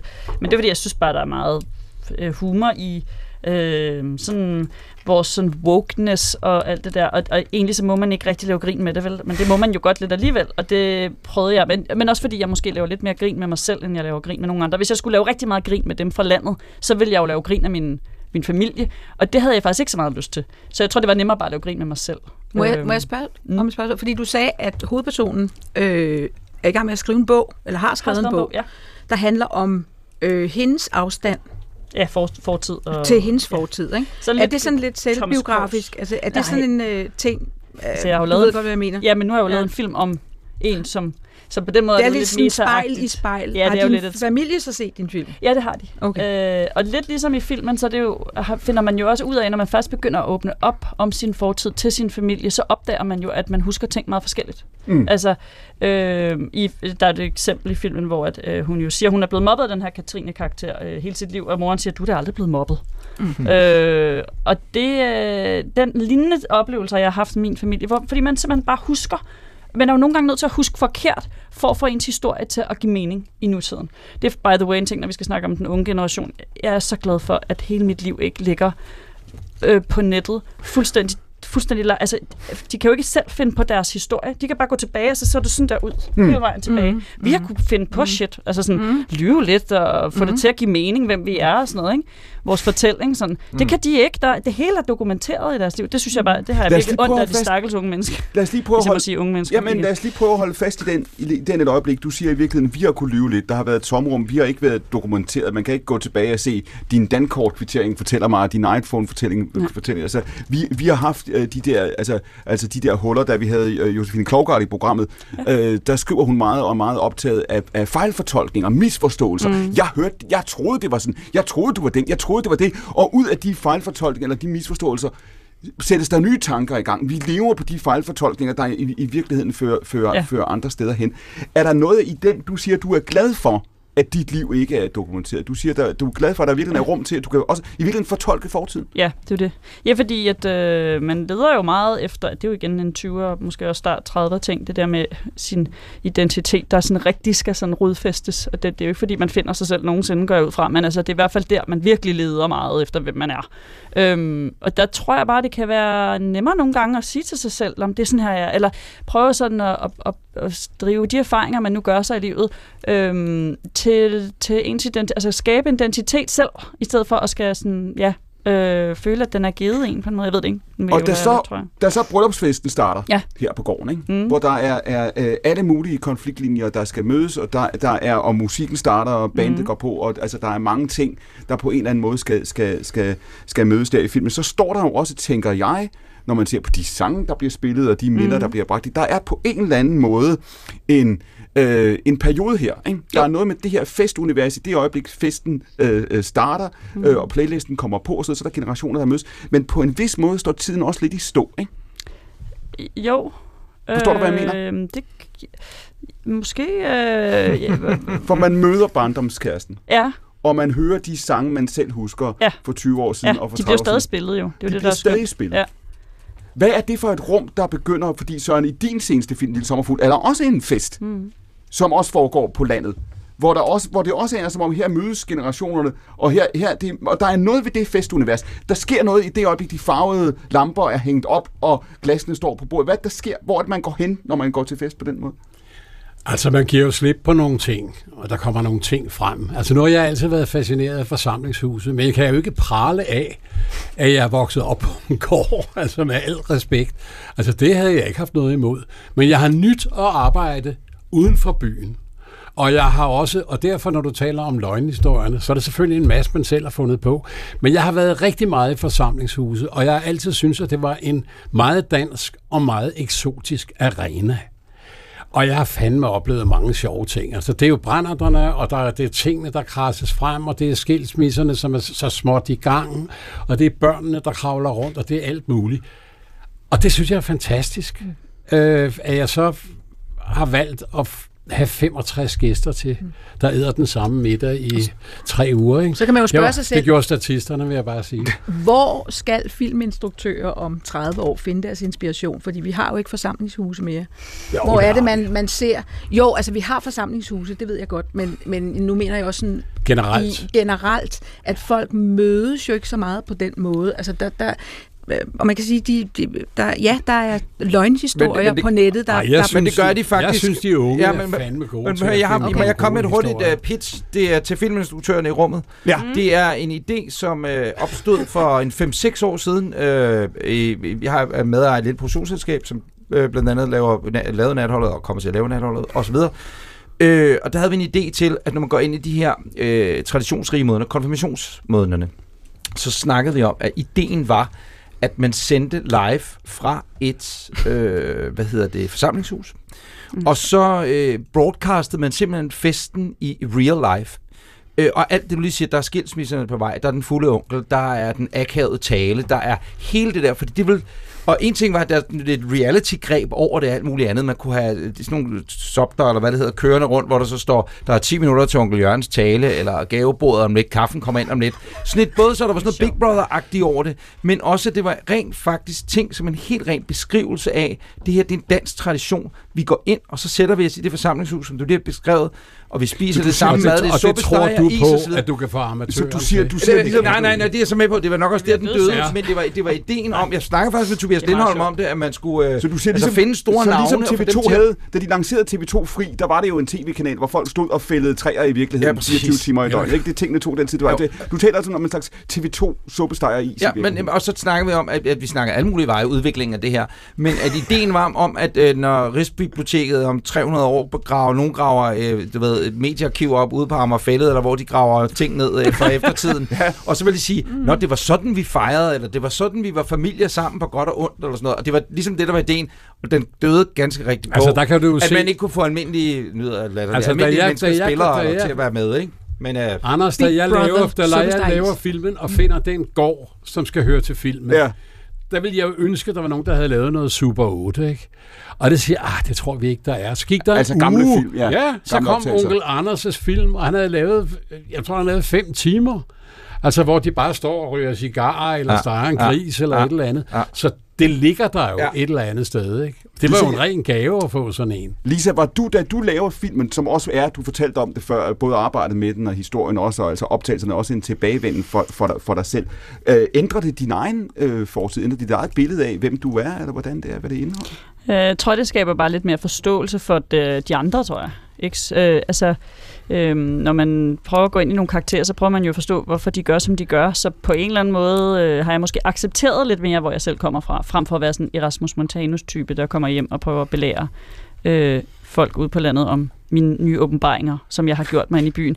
Det sker stadigvæk sådan, altså jævnligt, at jeg, skal, at jeg skal igennem den mølle der med mine forældre, for eksempel. Ikke? Altså, de skal virkelig stå model til meget. Men altså, det er apropos generationer. Hvordan, jeg synes hvordan, virkelig, hvordan er begynder de sammenstød. Lisa, når du har Ja. ja. de diskussioner med dine forældre eller andre? Hvordan begynder de? Hvordan starter sådan en samtale?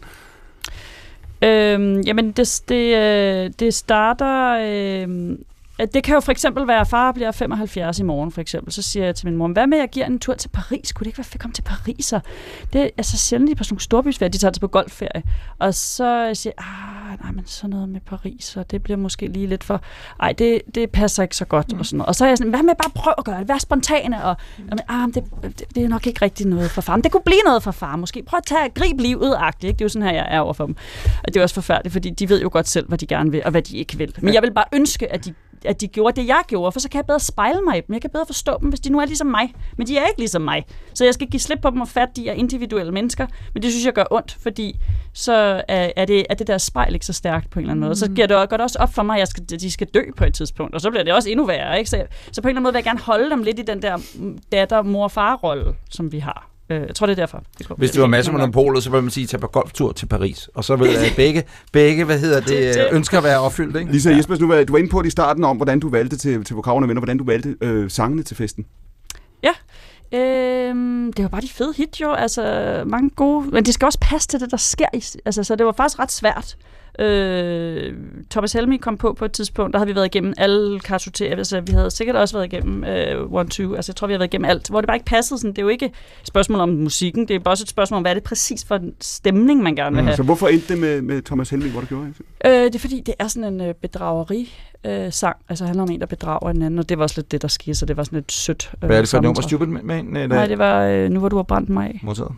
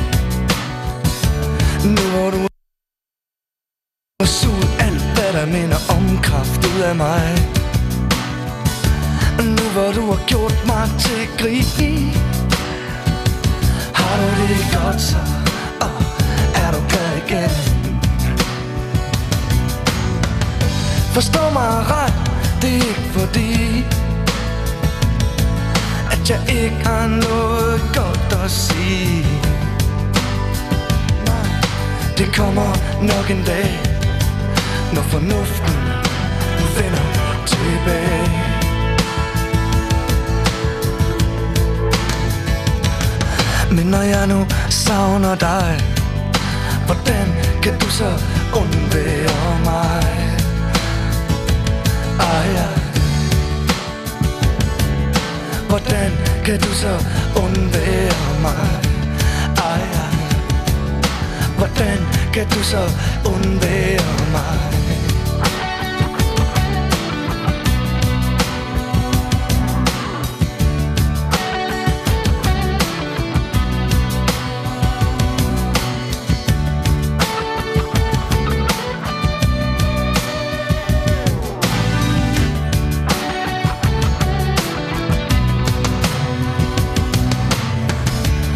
Hvor du har brændt mig. Af Nu hvor du har smidt mig væk. Nu hvor du har stukket mig ned bagfra Har du det godt så, og er du klar igen. Forstå mig ret, det er fordi at jeg ikke har noget godt at sige. Det kommer nok en dag Når fornuften vender tilbage.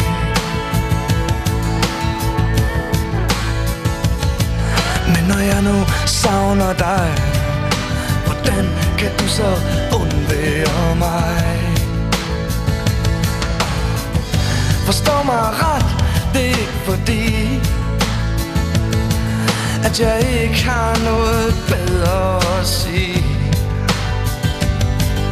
Det kommer nok en dag Når fornuften vender tilbage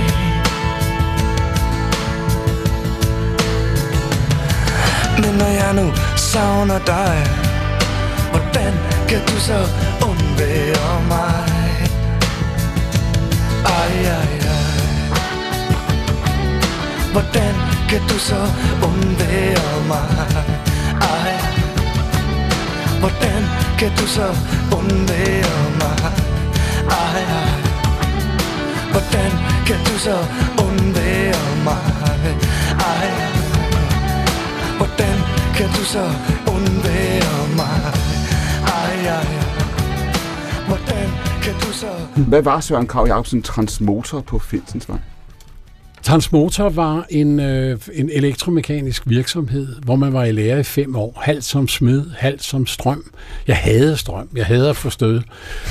Og jeg vidste, at når jeg blev uddannet, så skulle jeg derfra, og det blev jeg som 20-årig, så skulle jeg ud og skrue lampetter op for mine tanter.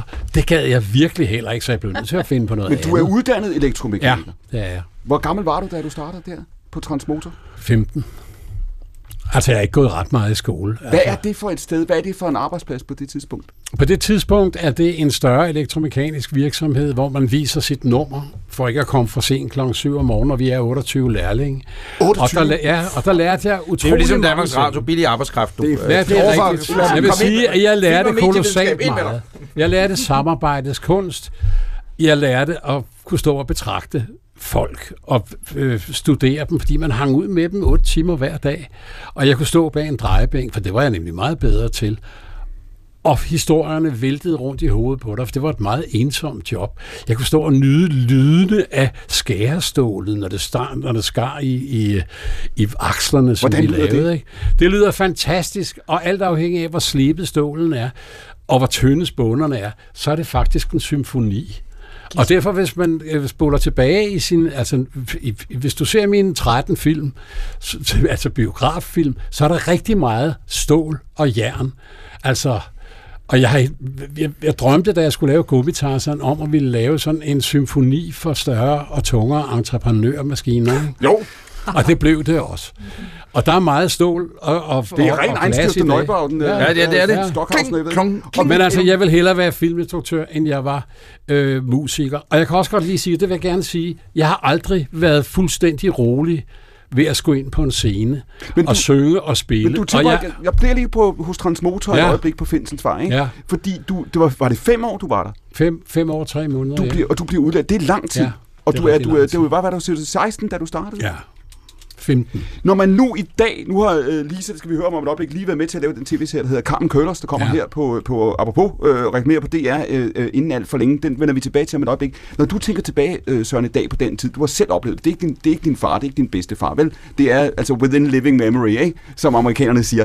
Øh, vi lever i en tid i øjeblikket, hvor vi har svært ved når vi ser nogle årtier tilbage, siger vi, ej, hvor var det forskelligt, nej, hvor var det forfærdeligt, i, hvordan kunne de sådan, hvordan kunne de det, det, er- det er en anden tid, og det er en anden verden. Det er et opgør, der kører i, i, på, de, på de høje navne af de år. Har du den samme oplevelse? Føler du, når du tænker tilbage på Transmotor på Finsensvej i, i 70'erne, er det, er det lang tid siden, eller kan du række lige ud og røre ved det? Altså, jo ældre man bliver, så husker man jo lidt længere tilbage. Altså, det er ligesom om, man går ned i bunden af harddisken. Hvad mener du med det? Jeg kan, jamen, jeg kan sagtens huske. Jeg kan godt huske min tid på Transmotor. Og jeg tænker på det, og omfavner det, og jeg tænker på det med et smil. Altså, jeg, jeg har i mange år haft det sådan, når man tænker, nej, nu mangler vi arbejdskraft. Nu Mm. må vi importere fra nogen fra Ukraine eller Polen eller hvor som helst. Fordi man faktisk smadrede hele lærlingesystemet. Jeg havde ikke, jeg fik aldrig tæsk eller sådan noget. Jeg synes faktisk, det var meget sjovt, og jeg synes, der var et sjovt sammenhold mellem os 20, la- 28 Var der, var, der en, var der en hård tone? Ja, indimellem var der. Var der noget, som vi i dag ville kalde altså mobning? Ja, det ved jeg ikke. Hvis du nu for eksempel som mig ikke spillede fodbold, og vi arbejder også om lørdagen, Ja. så spillede man fodbold mod Farstrup, som var en anden maskinfabrik. og hvis jeg sagde, at det gider jeg ikke, så var det noget med at tage sit pæneste tøj på, og så skulle man feje under maskinerne, og så skulle man kravle under maskinerne, og hvis man var beskidt, så kunne du starte forfra med at gøre rent. Altså, det var jo ligesom det tætteste, vi kom. Og der, i, i flere af mine film, især, sky, især Skyggen af Emma, Ja. der er flere ting, som jeg udsætter Børge Arlsted, den svenske skuespiller, for, som jeg selv har oplevet Hvor som mange, lærling. hvor mange kvinder var der på den arbejdsplads? Meget få. Meget få. Der var nogen på kontoret, men ellers var der ikke nogen kvinder. Lisa Jespersen, den historie, I fortæller i Carmen Køller, som er jo historien om, om en virksomhed, den eksisterede, den lå ved Kalundborg, den eksporterede til hele verden. Køllers, som var hvad? Øh, elektriske. Er hvad? Ja.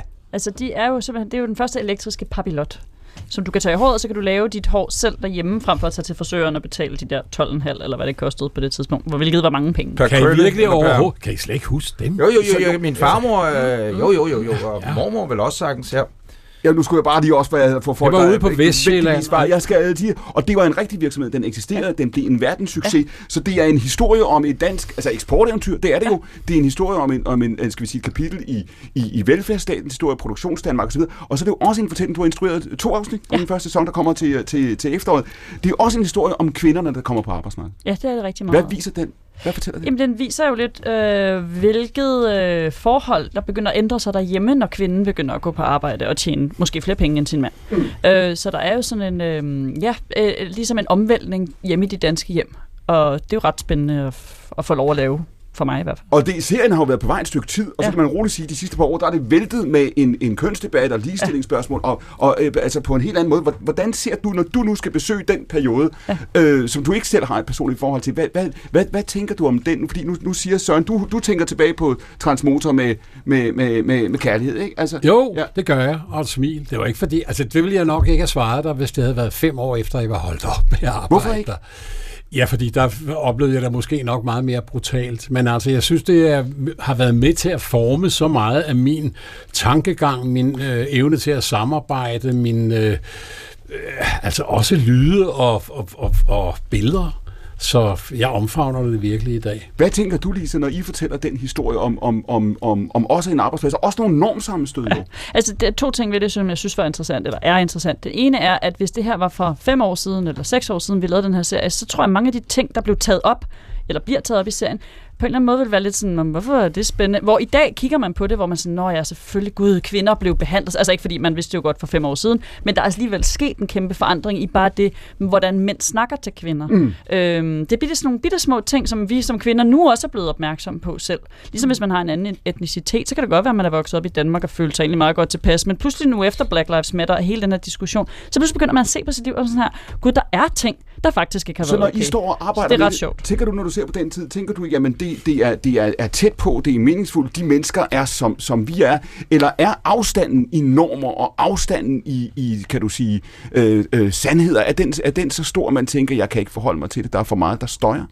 Øh, altså tænker du i forhold til tid? Undskyld. Ja, forhold til, ja, ja, altså øh, jeg synes jo bare, jeg kan spejle mig rigtig meget. Det, selvom det, det her det foregår i 60'erne, så synes jeg der stadig, jeg har oplevet vildt meget som teenager eller ung kvinde på arbejdsmarkedet. Jeg har haft en masse sådan teenage jobs, eller hvad hedder sådan noget, ungdomsjobs på restauranter og caféer rundt omkring. Og der er ikke et eneste af dem, hvor jeg ikke har sagt op på grund af sexikane. Og det er først gået op for mig, efter jeg begyndte at lave den her serie. Så var jeg sådan, nå ja, det der, der sagde jeg på grund af det der, det der gjorde jeg. Og så er det gået op for mig, det var fuldstændig almindeligt. At det på et tidspunkt, så gad man bare ikke finde sig i det mere. Og så var jeg sådan, nu gider jeg ikke mere, nu siger jeg, for nu er noget andet bedre job, jeg har fundet. Det var ikke, fordi man følte sig sådan super krænket og ikke kunne holde ud og være på arbejdspladsen. Men det var bare sådan en god grund til at være sådan, nu tror jeg, jeg skal videre herfra, fordi nu gider jeg ikke at høre på det der mere.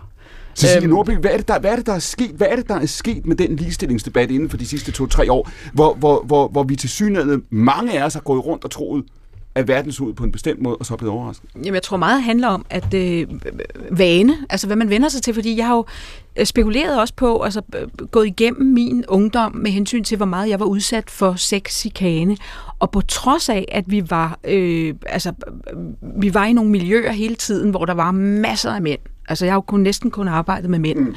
Øh, så, så opfattede jeg det sgu aldrig sådan. Altså, måske er det, fordi jeg ikke øh, altså, er for høj, eller jeg ved ikke. Men altså, man havde bare en, Ja, en anden... fast i det. Du har øh, engang, du har engang sagt i et interview, at da du var helt ung, var du for høj til at have kærester. Ja, altså jeg, jeg, jeg er ret høj, ikke? Og så er der måske mange mænd, der ligesom er, ej, det, det bliver sgu for stor en mundfuld. Altså, det ved jeg ikke, men, men i hvert fald så, så har jeg ikke oplevet min ungdom på den måde. Den eneste, altså den eneste gang, hvor jeg virkelig har været udsat for sexikane, det var en gang, hvor Simon Spies tog mig på brysterne. Hmm. Og øh, det var Okay, fordi, under jeg, hvilke omstændigheder var Jamen det? altså, kort fortalt. Ja, nej, ikke kort, ikke kort. Okay, Nej, okay, men- nej. Det var fordi, at jeg var med i en musical, øh, der hed Runaways, som spillede på Merkur Teater. Sammen med Katrine Hvidmann. Nej. Jo. Hun var ikke. Nej, hun, men det har været en anden, for vi var med. Jeg var med i den første udgave, så hun været med i den anden. Den men det var sammen, sæsoner. øh, Okay. sammen med Peter Frodin, blandt Ja. andet. Ja. Men i hvert fald, så sad jeg der og ventede på en, en øh, ven, skulle blive færdig. Jeg var færdig med at klæde om før ham, så jeg sad i forjen på gulvet, og det var snestorm, altså virkelig snestorm, med en meter høj sne, og det hele det fø udenfor. Og jeg sidder og venter på min ven, og imens jeg sidder og venter, så sidder jeg med, med, med ryggen op ad indgangen og tegner. Og så kommer Simon Spis ind med to guider øh, i de der lille... Altså i, øh, i spis tøj simpelthen? i spistøj. Det var jo hans hus, som med Ja, ja, kurteateret klart. lå Ja, men- men- altså, de Hvor- kommer ind i spistøj, og så har de to hunde med, to små hunde. Han har været ude og lufte de her hunde i det her forfærdelige vejr. Og så står han lidt, og så kigger han på mig, og så siger han til de der, nu begynder jeg at snakke sådan her, ikke? fordi sådan snakkede Simon B. jo. Øh, og så sagde han så til de her to guider, unge guider, bedæk den dame, siger han så til de der to. Og så var der jo helt stille, for de vidste jo ikke, hvad de skulle gøre, de der to unge øh, fyre. Altså, de stod jo bare måbede, ikke? Nå, der var ingen reaktion på det. Så sagde han så sig mig en gang, hvad tegner du, unge dame? Så gik han om bag ved mig.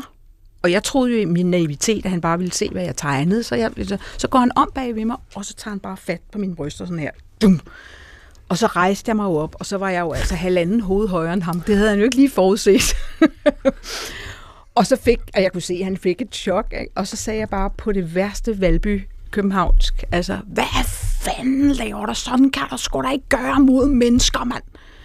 Sagde jeg til ham, ikke? Og han, ja, han fik et chok. Altså, han prøvede at Hvad skjule svarede det. han så, fordi Jamen, at, øh, Så han, han måbede, og der var et sekund stillhed, og så plejede han, så sagde han, ud af mit hus. Ud af mit hus. Så smed han mig ud i uværet. Altså. Og så nogle år senere, så fik jeg så øh, Simon Spies øh, solistpris, som jeg skulle modtage af Janni op i Luciana. Og mens jeg stod og modtog den der foran et publikum, så havde jeg en, en mikrofon i hånden, hvor jeg kunne have sagt, jeg kunne have fortalt en historie, det gjorde jeg så ikke. Men nu er det jo lang tid siden, så Ja, jeg ja, kan men- godt men for, det- for, fortælle historien, fordi det var jo et Sim- faktum, sådan, sådan var det.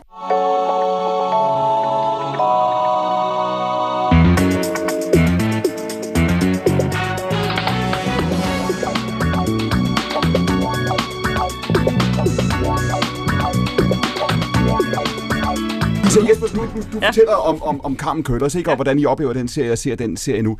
Tænker du, at der er et før og et efter i den ligestillingsdebat i de her år? Altså tænker du, at nu bliver der ryddet op, nu bliver diskussionerne taget, nu øh, har vi den diskussion, eller kommer vi til at stå igen om 5, 10, 15 år og Mm. tænke, okay, vi ved stadig ikke, hvad der foregår, vi er der stadig ikke. Det, jeg synes, der er lidt uhyggeligt lige nu, som jeg, som jeg oplever, der sker øh, omkring os, når nu så noget som øh, MeToo og alt det der øh, sker, øh, det er, jeg synes, øh, i stedet for, at man kunne håbe på, at der sker noget godt, hvilket der også gør, så polariserer det også bare folk Mm. så sindssygt meget, at man, og jeg tror meget, det er sådan noget nettet, altså det lyder igen som om, jeg er lidt ældre, end jeg er, når jeg siger det, men internettet gør rigtig meget. Mm. Bare den måde, folk kommunikerer til hinanden på, altså jeg tænker, vil de tale sådan i virkeligheden? Det vil de nok ikke. Og det skaber bare sådan en, en super polariseret fornemmelse, synes jeg, og derfor er jeg bange for, at der bliver endnu flere modstandere imod, og, altså de bliver skræmt af ordet. Og du sagde, du sagde i forbindelse, jeg holder lige fast, Lisa, fordi du sagde i forbindelse med filmen, da du blev interviewet mm. Mm. omkring det her, den her landby-ting og generationsved, du, du frygter faktisk splittelsen. Altså Ja, du kan godt være bekymret for, Ja, meget. at, at selv i det her land, hvor vi har været tænkt så meget på os selv som en, så tæt på hinanden, så videre, der, der, der er der større forskel, end vi tror. kæmpe stor. Altså, er der nogen, der synes, det er rart at læse kommentar, kommentarer på DR Nyheders Instagram-profil? Fordi jeg synes, det er virkelig vemmeligt. Jeg er sådan, her, åh, jeg skal bare ikke læse de der kommentarer, fordi, ikke fordi jeg læser kommentarer normalt. Men det er så uhyggeligt, så meget sådan had, der er. Så du tænker også, det er, det er et andet, det er også, altså dit billede af Danmark har det ændret sig, er det et andet land, er vi, er vi anderledes, end du troede for, for 10 år Øh, siden? ja, det, det tror jeg, men, det, men jeg får at vide af mine øh, kloge venner, øh, som laver alle mulige andre ting end film, og ved mange flere ting, end jeg gør om samfundet sikkert, at de siger til mig, at det er også de få, der sidder og skriver Mm. mm. de der ting igen og igen. Det er jo ikke fordi sådan Mm. halvdelen af Danmark sidder og kommenterer, så på den måde, men, men jeg synes det er bare sådan politisk, man også skal se igennem Europa, hvordan sådan, det bliver mere og mere, altså partierne bliver meget mere sådan stærke i hver deres øh, Har du den opfattelse, Cecilie Nordby, tænker du også, at vi lever i en tid, hvor, hvor kløfterne bliver, bliver, bliver dybere? Er vi vej væk fra hinanden? Øh, ja, det synes jeg. Altså, jeg har jo ikke noget, altså, jeg, jeg, jeg har jo ikke læst nogen kommentarfelter på den måde, men jeg har rejst rundt i Danmark i rigtig, rigtig mange år. Og, og bare i løbet af de sidste 15 år, så synes jeg, det er chokerende at se øh, by, små bysamfund, øh, velfungerende øh, bysamfund, der ligesom er øh, øde cowboybyer nu. Og det, der, i min opfattelse, der, der, der er der jo begyndt at ske en tendens til, at folk flytter enten til storbyerne, eller også så flytter de til de øh, helt umiddelbare, meget smukke steder, såsom Silkeborg, Præstø, Svendborg. Altså, der, der er stadigvæk, hvor naturen ligesom trækker folk Mm. til, at der er skønhed. Men alle de her små provinsbyer rundt omkring, der er altså øh, chokerende mange lokaler til leje og til salg. Øh, og, og, og på gaderne, på gågaderne, der ser man næsten ingen mennesker nogen steder, og, og der er jo altså slikbutik, så er der en burger, så er der, øh, du ved. Så Men du siger det er et virkelig- andet billede. Du altså, siger virkelig, det der, er er, der er en, en fysisk, altså der er en, Ja. ja. i landet nærmest, i, i landskabet ja. og i byerne, en, en fragmentering og en, og en polarisering, og måske også hos os selv. Ja, det, det må det jo, det, på en eller anden måde, så må det jo blive et billede af, hvordan, hvordan vi er som samfund og som land. Altså. Der er nogen, Søren Krav Jacobsen, der taler om, at det minder om 70'erne, det her, det minder om 80'erne, vi taler energikrise, vi taler øh, øh, kold krig, ikke? vi taler øh, polarisering som det, vi, vi, vi tænker nu. Har du haft den samme tanke? Bliver du kastet tilbage til 70'erne og 80'erne og, og, og siger, det minder om det, eller tænker du, nej, det er noget andet? Nej, det gør jeg ikke. Altså, jeg, det synes jeg ikke. Jeg kan godt mærke, at den er, ruller frem mod, at nu er der snart ikke noget gas, og nu skal vi til at sulte og så videre og så videre. Men altså, jeg vil da hænge mig lidt på det, som Cecilie siger. Altså, jeg har gjort en sport ud af at køre i tog, og meget ofte sidder jeg i en kopé med 10 mennesker, der alle sammen ser i deres iPhone. Altså, lytter eller læser eller gør et eller andet, så tænker jeg, det kommer der et oprør imod om 50 år, når jeg ikke er her mere. Det er jeg helt sikker på. Mm. Athenia, Cecilie Nordby, hvad er det for noget? ja, det er mit nye album, og det er første gang, jeg overhovedet snakker om det. Og hvad er Øh, kendetegnet den plade, når den kommer? Hvad den gør 7. oktober? Jamen altså, den kendetegn, det, jeg har lavet den selv hele vejen igennem. Jeg har skrevet al musikken, alle, øh, øh, alle teksterne og, og produceret den. Øh, blandt andet sammen med Paul Reimann og Christa Bådskov.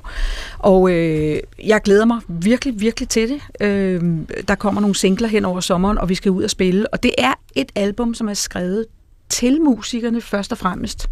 Det vil sige, at øh, jeg har hørt, hvordan trommeslageren spillede, og tænkt, han skal have sådan et nummer. Jeg vil høre ham spille et af mine numre, der lyder sådan her. Og Athenia, hvorfor? Mm. Jamen det er jo øh, et, et navn, jeg har fundet på, som er et kælenavn til jorden, fordi der er et af numrene, der, der, der øh, handler om, at jorden skal også passe på sig selv, eller det er sådan, øh, du bliver nødt til at gøre, hvad der er godt for dig. Og dit album, Søren Krav Jacobsen, Trandans? Ja, Det kommer til september, og det er 11 sange, og det er ligesom historier fra et levet liv. Og du sagde tidligere, at du ville være filminstruktør. Det var, Ja. du, du, er ikke, du er ikke ved at fortryde, du er ikke ved at blive altså, popstjerne igen, kan man sige. Altså, det synes jeg er lidt for gammel til, ah. men altså... Har du, ikke, har du ikke lige selv Jo. sagt, at det bare er, alder er ikke noget, Nej, det, det er også en flydende rigtigt. ting? det er ikke? også rigtigt. Og det har været vanvittigt sjovt at lave den. Produceret sammen med Jakob Kroth. 11 sange, som alle sammen er historier. Lisa Nogle af dem små filmmanuskrifter. Vi talte om det, da vi startede. Mm-hmm. Det er to timer siden. Det føles nu, som om det er lang tid siden. Ikke? Der sagde du, det var, det var, det var, jo- det var øh, Robert for bedste film. Det var Bodil for Ja. bedste film. Den drejepris. Plus alle de andre priser, du har vundet. Ikke? Til efteråret kommer Kampen Køllers. Hvad så? Føler du, der er pres på? Øh, jeg ser det faktisk mest som et øh, godt skulderklap til at komme videre, for at være helt ærlig. Men du, du følte det som et pres, da du vandt alle de priser stod i Øh, Eller var det, det falsk, lidt svært. Om falsk jeg, ja, det beskedenhed? er måske og- lidt falsk beskeden. Hvis jeg skal være helt f- fuldstændig ærlig, selvfølgelig er det da et, øh, en forventning. Selvfølgelig er der en høj Du forventning. fortjente hver eneste af dem. Det er det, du fortæller os nu. Jamen, jeg tænker bare, det bliver da måske lidt nemmere at lave næste film, sådan med nogle sådan pengemæssigt. Altså, jeg, jeg håber da, at det kommer til at lykkes at lave den næste, fordi det ville da være dumt at sige nej til, til det, tænker jeg. Ved du, hvad det I skal? don't know. Ved du, hvad det skal? Ja, ja, det ved jeg godt. øh, Ja, det, det, det kommer til at være sådan en mor-datter-forholdsfilm mellem øh, Karen Lise Mønster og Rosalinde Mønster.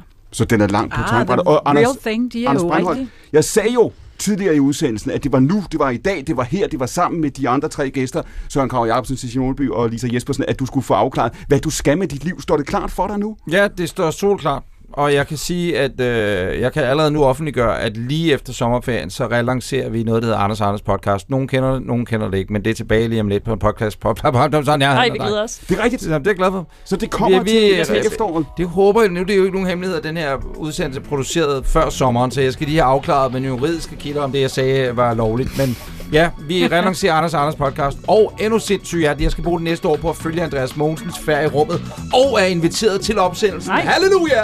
Så vi startede, Det kan hos, man høre. vi startede for to timer siden hos Anders og Anders, og vi endte hos Anders og Anders. Det er Anders Breinholt, der således har fået afklaret, hvad fremtiden bringer. Han stod ved siden af Lisa Jespersen. Hun stod ved siden af Cecilie Norby, og Cecilie stod ved siden af Søren Krav Jacobsen. I redaktionen sidder Siv Søby Rasmussen og Olivia Elling. Producer er Sara Ranneris. Redaktør på programmet er Amanda Heiberg Boberg. og Mit navn er Clemen Kærsgaard. Og stafetten er tilbage på lørdag her på kanalen kl. 12.15, men nu er der radioavis for klokken er to.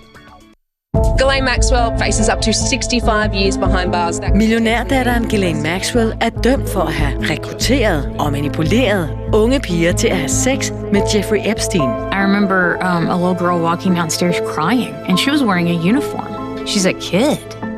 The absolute betrayal. She got me to the point of abuse. She groomed me. Ghislaine Maxwell. Overgreb, løgne og hemmeligheder. She facilitated it. She made the network happen. Mandag 21.20 på DRTV om DR1. Nu kan du høre eller genhøre Radiobio fra den 27. februar. Der er masser af musik i denne udgave af Radiobio, som spiller to episoder af serier lavet til P2's heldige lyttere. For hvorfor kan man egentlig ikke høre mere musik på P1? Kunne mange af os faste P1-lyttere ikke have glæde af at hvile både øre og sjæl oven på en orientering om Ukraine?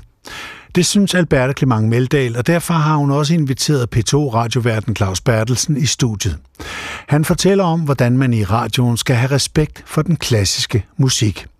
I udsendelsen spilles første episode af Kærlighed på Spil, samt første episode af hvert år i oktober.